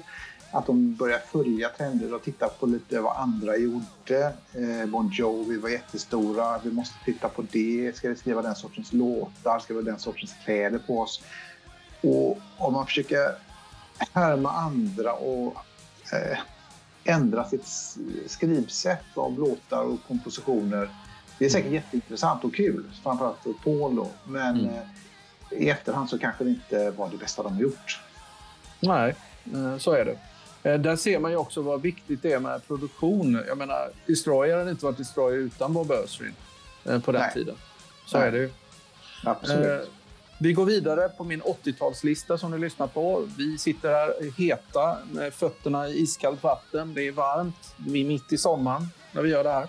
Mm, kanske dags för en liten ah, paraplydrink snart. Jag tycker det. Vi har ingen cold gin. Däremot så kanske när man har stoppat ner fötterna och blivit lite nedkyld ändå fortfarande är het i Hot in the Shade som vi ska gå på nu.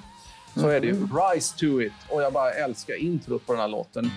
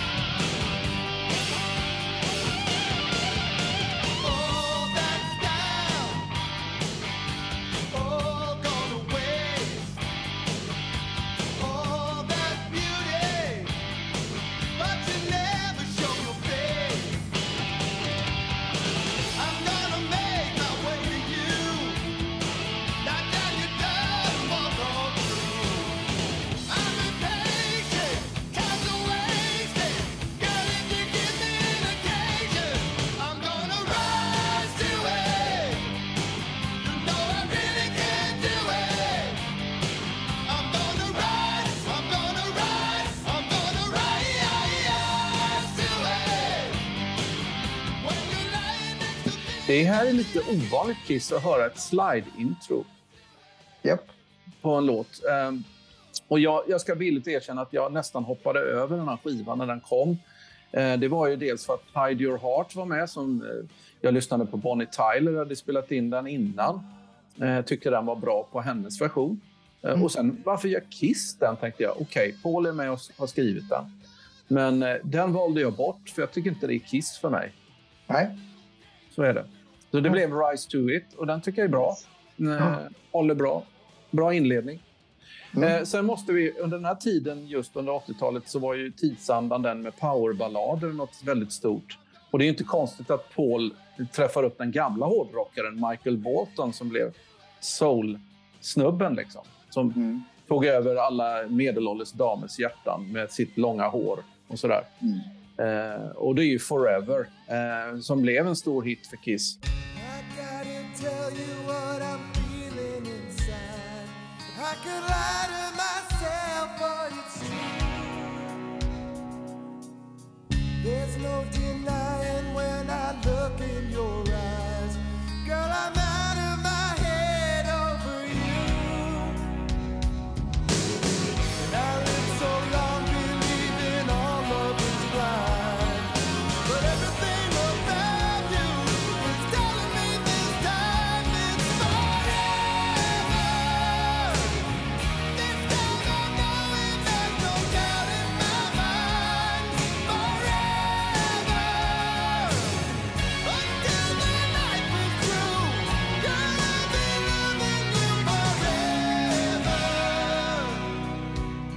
den Ja. blev åt, åtta på Billboard-listan på den tiden och det var ju det, nästan deras största hit efter Beff. Ja, det var den största hiten efter Beff.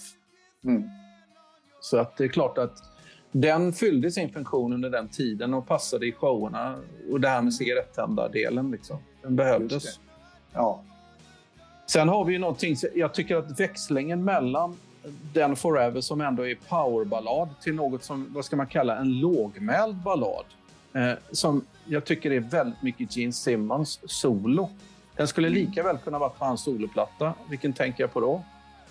A World Without Heroes.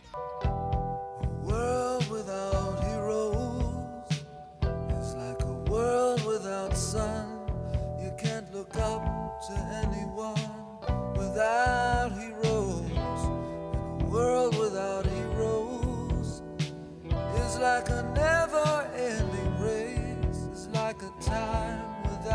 without a pointless thing devoid of grace. Where you don't know what you're after, or if something's after you, and you don't know why you don't know you're wrong without heroes. just det som har faktiskt skrivit eh, där Lou Reed är med som medkompositör. Helt riktigt. Och här har Bob Östring varit med och skrivit också. Och här känd, alltså, än en gång när man går tillbaka till det äldre. Vad kunde det ha tagit vägen med den här skivan? Uh, alltså, hade man förvaltat det på ett annat sätt, där de inte var så förvirrade, så tror jag att här kunde det varit många Kiss-klassiker faktiskt. Om man Mycket hade gjort det möjligt. på ett annat sätt. Mm. Mm. Eh, Den är, jag gillar den väldigt mycket och jag, jag såg videon också en, eh, för många, många år sedan. Jag tänkte wow, det, det ser inte ut som Gene riktigt men han var ganska kortklippt på den här tiden. Va? Ja, det var han verkligen. Och dessutom så, de sista filmrutorna där så är det ju när han sjunger Mm. The world without heroes is not a world for me eller något liknande. Och så ser man en liten tår som, eh, som eh, rinner ner på hans öga där. Just det. Men i det här fallet tycker jag med A World Without Heroes så tycker jag att här, här kände jag att Gene faktiskt försökte göra någonting annat eh, Mm. från hjärtat. Lite annorlunda. Jag håller med Jag- dig. jag Men lite- jag fråga så här? Jag fråga så här? Eh, du har ju också sagt att det ska funka live. Så att den skulle funka live så som du presenterar. Att den kommer i låtlistan som... Nu tar vi något completely different. Först är det då Paul som Ja. kör eh, sin ballad. Forever där ja. Precis. Ja, och, och så får Gene sin också då. Mm. Och jag kan tänka mig med dagens LED-teknik och all- allting när man kan mm, göra en helt annan typ av show idag.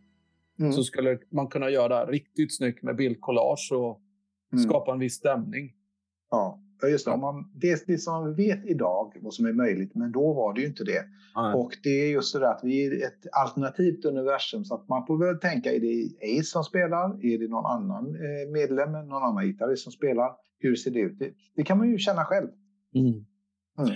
Ja, nu ska inte jag bli långrandig. Nu måste vi gå mot den låten som jag kände var den stora pophitten från Unmasked. Det är ju Shandy.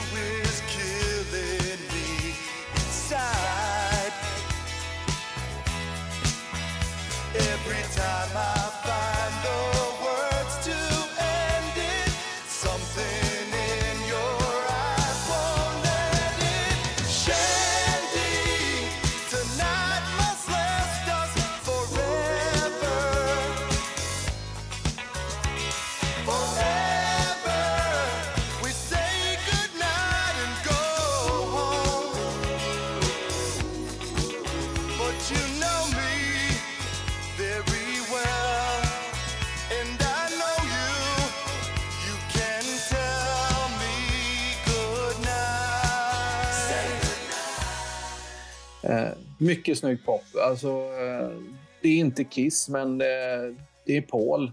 solo, skulle jag vilja säga. Där han Ja, eh, ville vara popstjärna lite grann. En smörig Paul som kände bli jättestor i The Land Down Under. Ja, den blev en jättestor hit för dem där. Eh, och sen går vi mot det hårdare. Vi avrundar med de tunga spåren. War Machine, jag gillar den. Brian Adams och Jim Valens har varit i farten igen med Gene.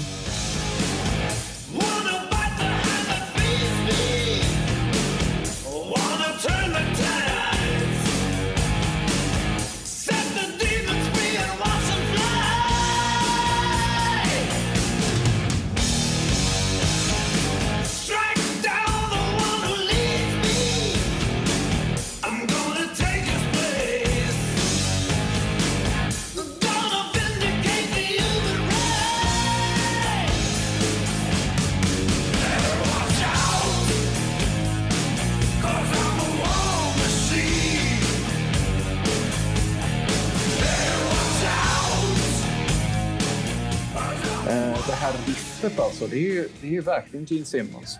Eh, och det här är också bevis på att jag tror inte att ni som då är riktiga Kiss-fans, att eh, om ni inte lyssnar på Brian Adams, men lyssnar på Brian Adams eh, mera rockiga sida. Där hör man ju vilka tunga influenser han har. Men speciellt på Waking Up the Neighbors-skivan. Oj, det bara står i spön i backen med tunga gitarriff kan jag säga. Tack för tipset. Det får bli lite grann eh, lyssna på det nu i sommar. Ja. Eh, och sen I Love It Loud måste vi ha med.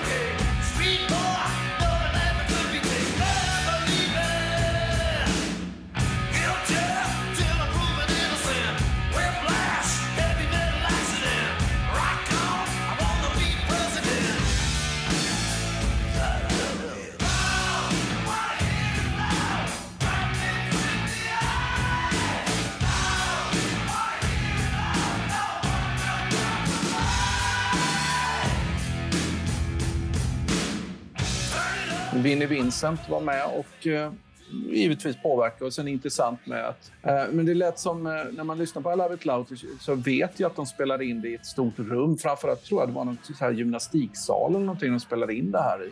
Och, och micka upp det för att få det här riktigt svungande stora ljudet. Ja, det låter verkligen stort. Det är nästan som om det hade varit en sån här flygplanshangar. Man hör hur liksom ljudet kommer tillbaka från väggarna långt, långt bort. En enda nackdelen, om vi, nu tänker vi ju live i och för sig, men jag tänker på studioversionen så tycker jag att man saknar lite. De borde lagt på mer körer där. I, eh, Ja. eh, i körerna i refrängen. I wanna hear it loud. Jag tycker att de, där är de lite fega. Där skulle, där skulle de ha lagt lite Queen-körer där. Då hade det blivit ännu mer effektivt. Konstigt att du säger det. Okej. Ja, sen avslutar vi med givetvis extra numren och det, det blir ju Heavens on Fire och Crazy Crazy Nights, känner jag. Det, Okej. det, det blir ju två riktiga brottarhits på slutet. Där. Ja, ja.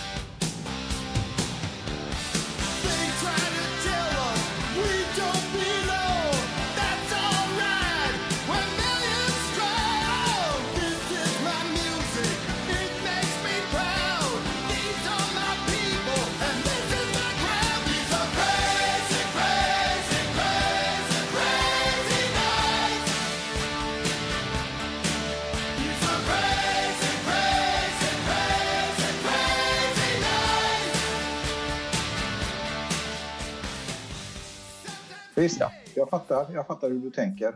Ja. Ja, Vi går på spännande. din lista nu, tycker jag. Ja, jag ska bara säga vilken bra lista du har gjort. Jag tror att det är de som älskar 80-talet skulle inte vara missnöjda.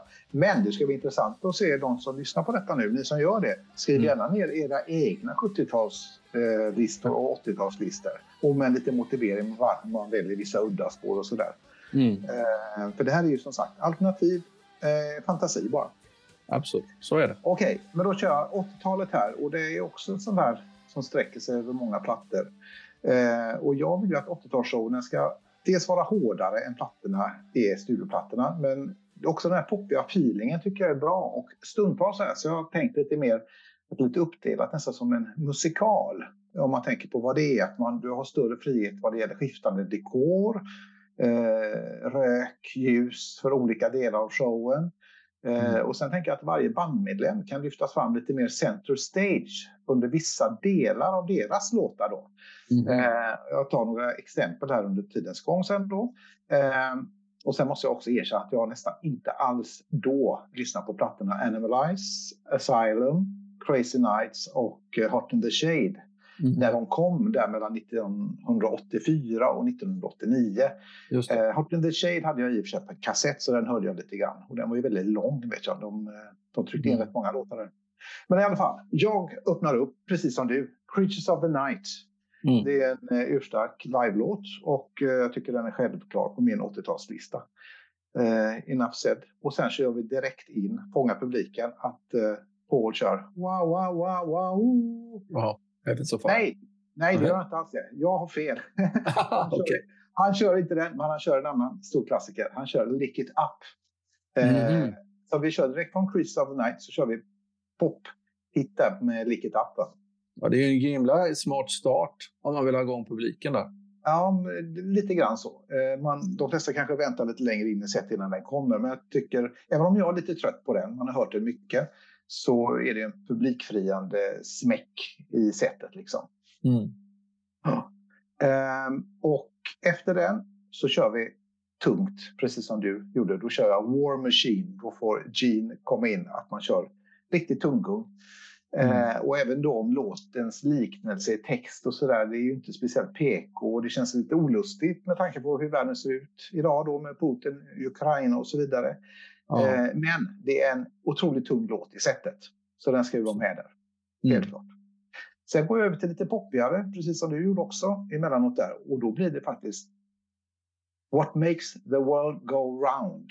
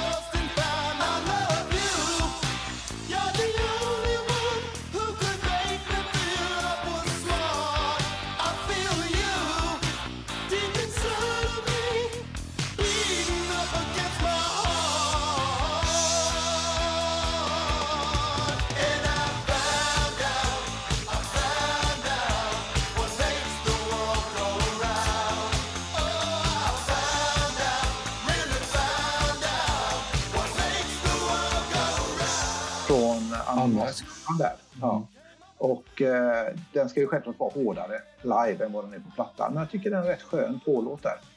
Eh, och då fortsätter jag sen i en låt som är Naked City.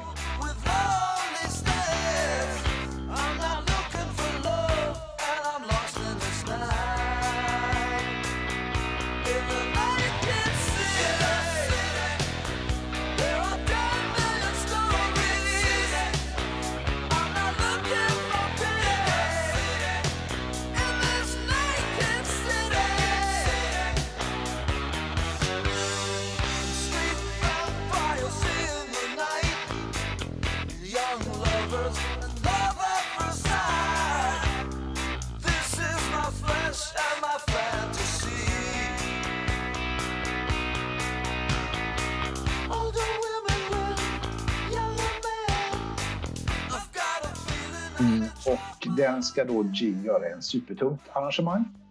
Eh, jag tycker det är en fin låt, bra melodi och eh, en rätt ödesmättad eh, ljudbild. Och den kan man öka, tycker jag. Absolut. Det är ju en sån där låt som jag också funderar på.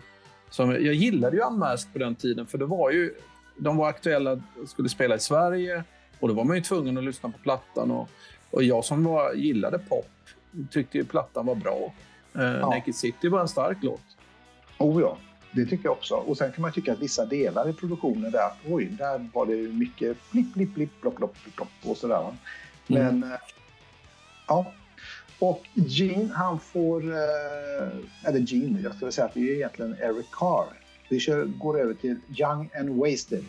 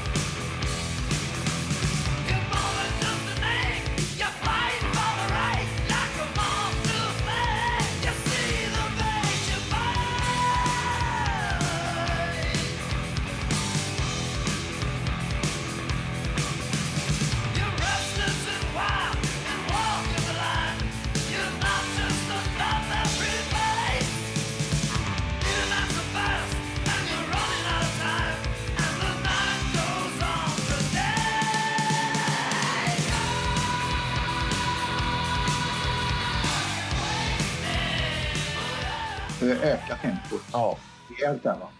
Och det var ju då Eric eller alternativt Gene skulle också kunna sjunga den här turbobärsärka lukten liksom. Det höjer ju pulsen. Eh, och här skulle man faktiskt, för då när de ändå har det tempot så skulle de kunna göra kort medley med låtarna Boomerang från Hot and Shade Mm. och Under the Gun från Animalize. Det Just hade varit lite kul för de hade kunnat klippa in det för det trumkompet det går nästan samma där.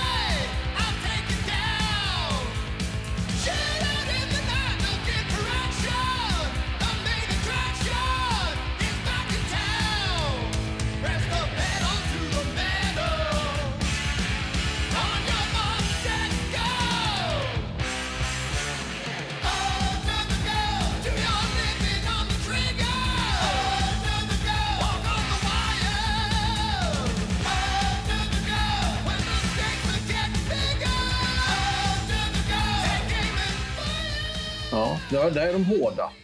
Ja, jag smög in det. Att Ja. Hade de varit, eh, vågat köra lite, flörtat lite grann med sina egna låtar, att de låter inte liknande, men de hade funkat där. Kunna sjunga Mm. en vers och, och en refräng på dem och sen gjort allt på Young and Wasted igen. Där.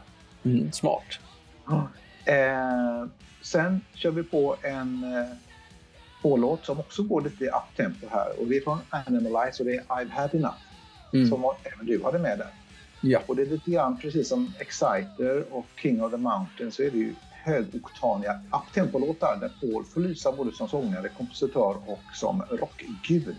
Mm. Eh, han, han, han står eh, längst fram och är liksom bara Paul Stanley, the rock'n'roll god. Och Du nämnde King of the Mountain. Där. Jag kommer ihåg den så väl när jag hörde eh, just eh, Asylum första gången. Ja. Då, då hade man ju en förhoppning av att... Eh, då skröt de ju om att de skulle gå tillbaka till det gamla soundet och så här lite grann. Och då trodde man ju på det. Men man gillade ju det då. Mm. Man hoppades kanske på det och sen så kom Ja. det någonting som inte alls. Och så, även om låtarna i grunden kanske var bra, många av dem, så var det då en produktion, en producent som eh, styrde det på ett annat sätt. För han har haft stora eh, livsframgångar med andra band. Ja. Yes, vad hände sen? Jo, efter den så drar vi ner tempot lite. Men det är fortfarande Paul och då har jag faktiskt gått in och gjort ett litet snedsteg eller ett avsteg till Killers-plattan. Mhm, jag vet att det inte är en, ja. det är ju inte en, en, eh, en renodlad ny platta så, men de har Nej. en sida där och då tänker jag på Nowhere to Run.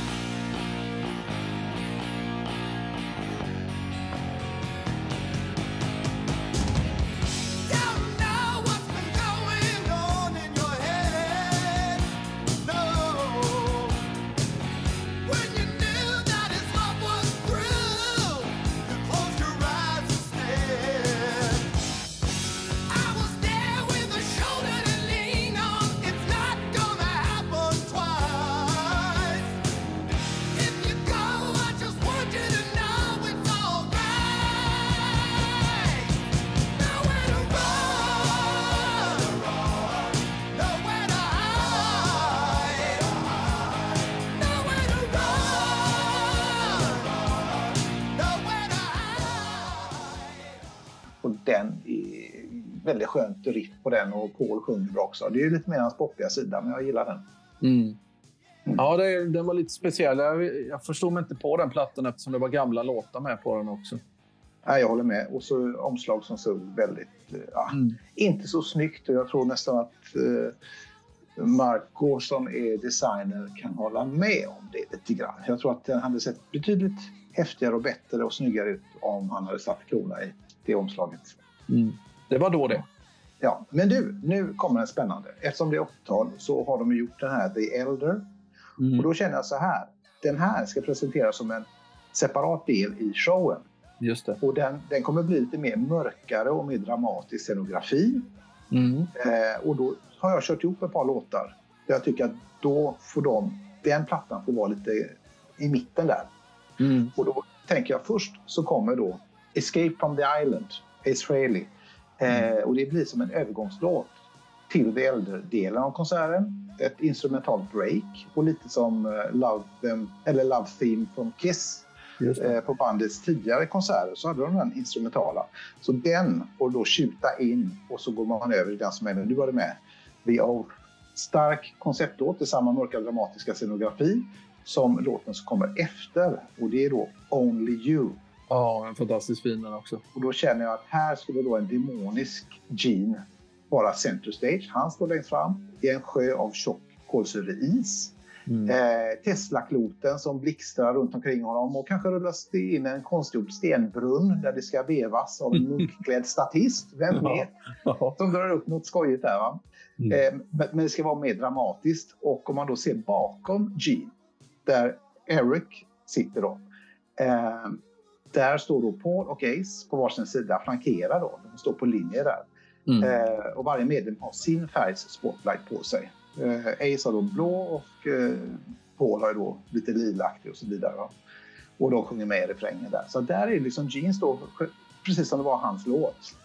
Eh, och det hade varit otroligt roligt och snyggt. Men troligtvis om de hade gjort detta så skulle den säkert bara framföras två, tre gånger under turnén i början och sen skulle den strykas för att aldrig synas mer igen. Det var ju Nej. så de gjorde med den här låten. De, eh, Det är de- risken. Ja. Ja. Risken att bli så. Ja, men efter den snygga så avslutar vi det äldre-delen med I.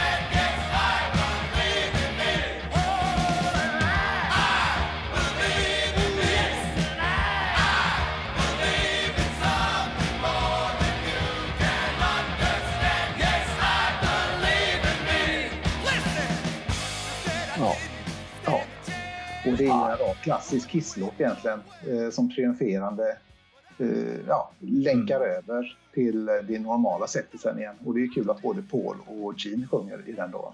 Mm. Ja, det är skitbra. Ja. Det Och sen- spännande. Ja, sen så går vi då över och då blir det faktiskt ett, precis som du hade, en ballad. Och då blir det den här Bon Jovi-doftade balladen som visar Pauls romantiska sida. Och det är då Reason to Live. Mm. Och Absolut. den får han då eh, breda ut sig. Eh, och det blir ett lite skönt break där. Och sen så går den över i den radiovänliga Turn on the night. Ja, då låg vi Eh. likadant där nästan. Mhm. Mm. Att det där är ingen låt som jag personligen är så förtjust i. Men jag fattar ju liksom att det här blir att uptempo-publiken, 80-talspubliken, kommer på Mm. fötter direkt. Då. Just det. Och sen när man fått den så kör man King of the Mountain från Asylum.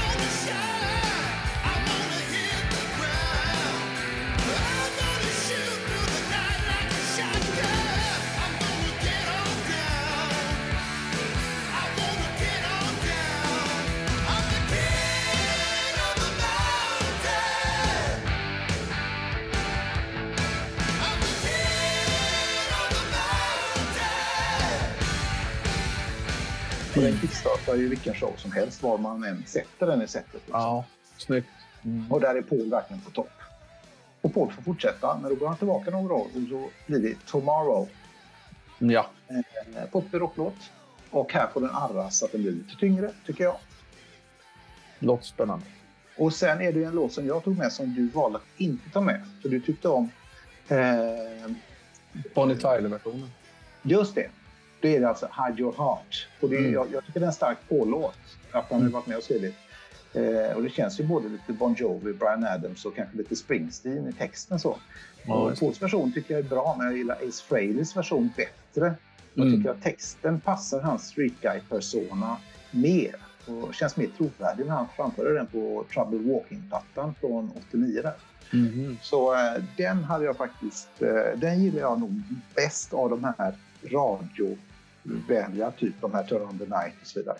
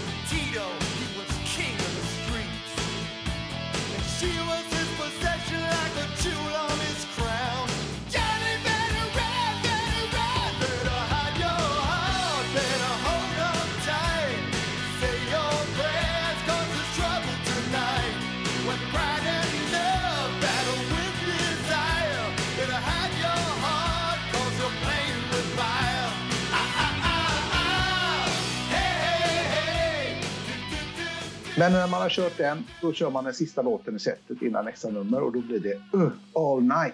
Och så blir det ett Slash Tears Are Falling också. Att Ja, de drar de tänkte på den. tillsammans. Mm. Så man tror att uh, All Night är slut, då går de direkt in på den. Va?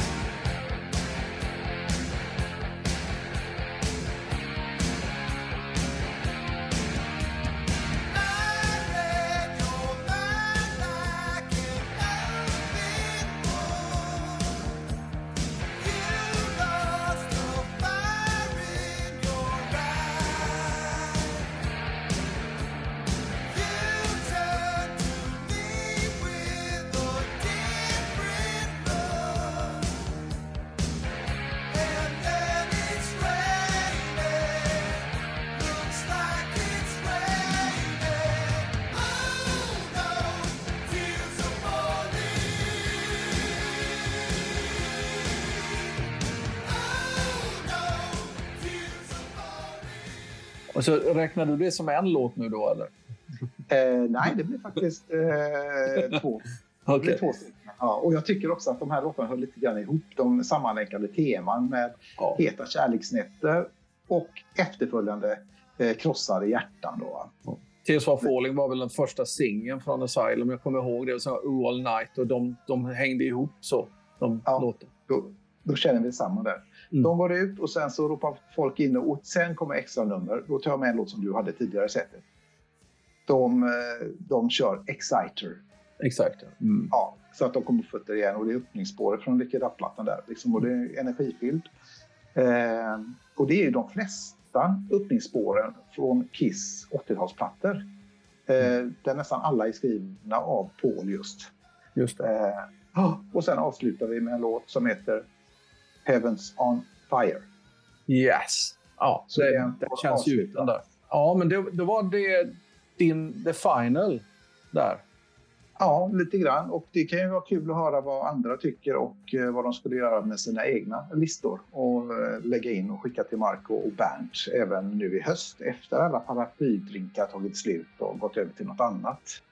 Lite mer pyttipanna, ärtsoppa och sånt där. Mm, just det. var 80-talslistorna det. Ja, kul. Ja, jag tycker om dina eh, så att säga, avbrott där med eh, eh, det äldre-delen där. Det blir lite spännande som ett koncept mitt uppe i showen. Ja, och då känner jag att då kräver det också att man gör någonting sceniskt, att man ändrar det lite grann. Så, bra.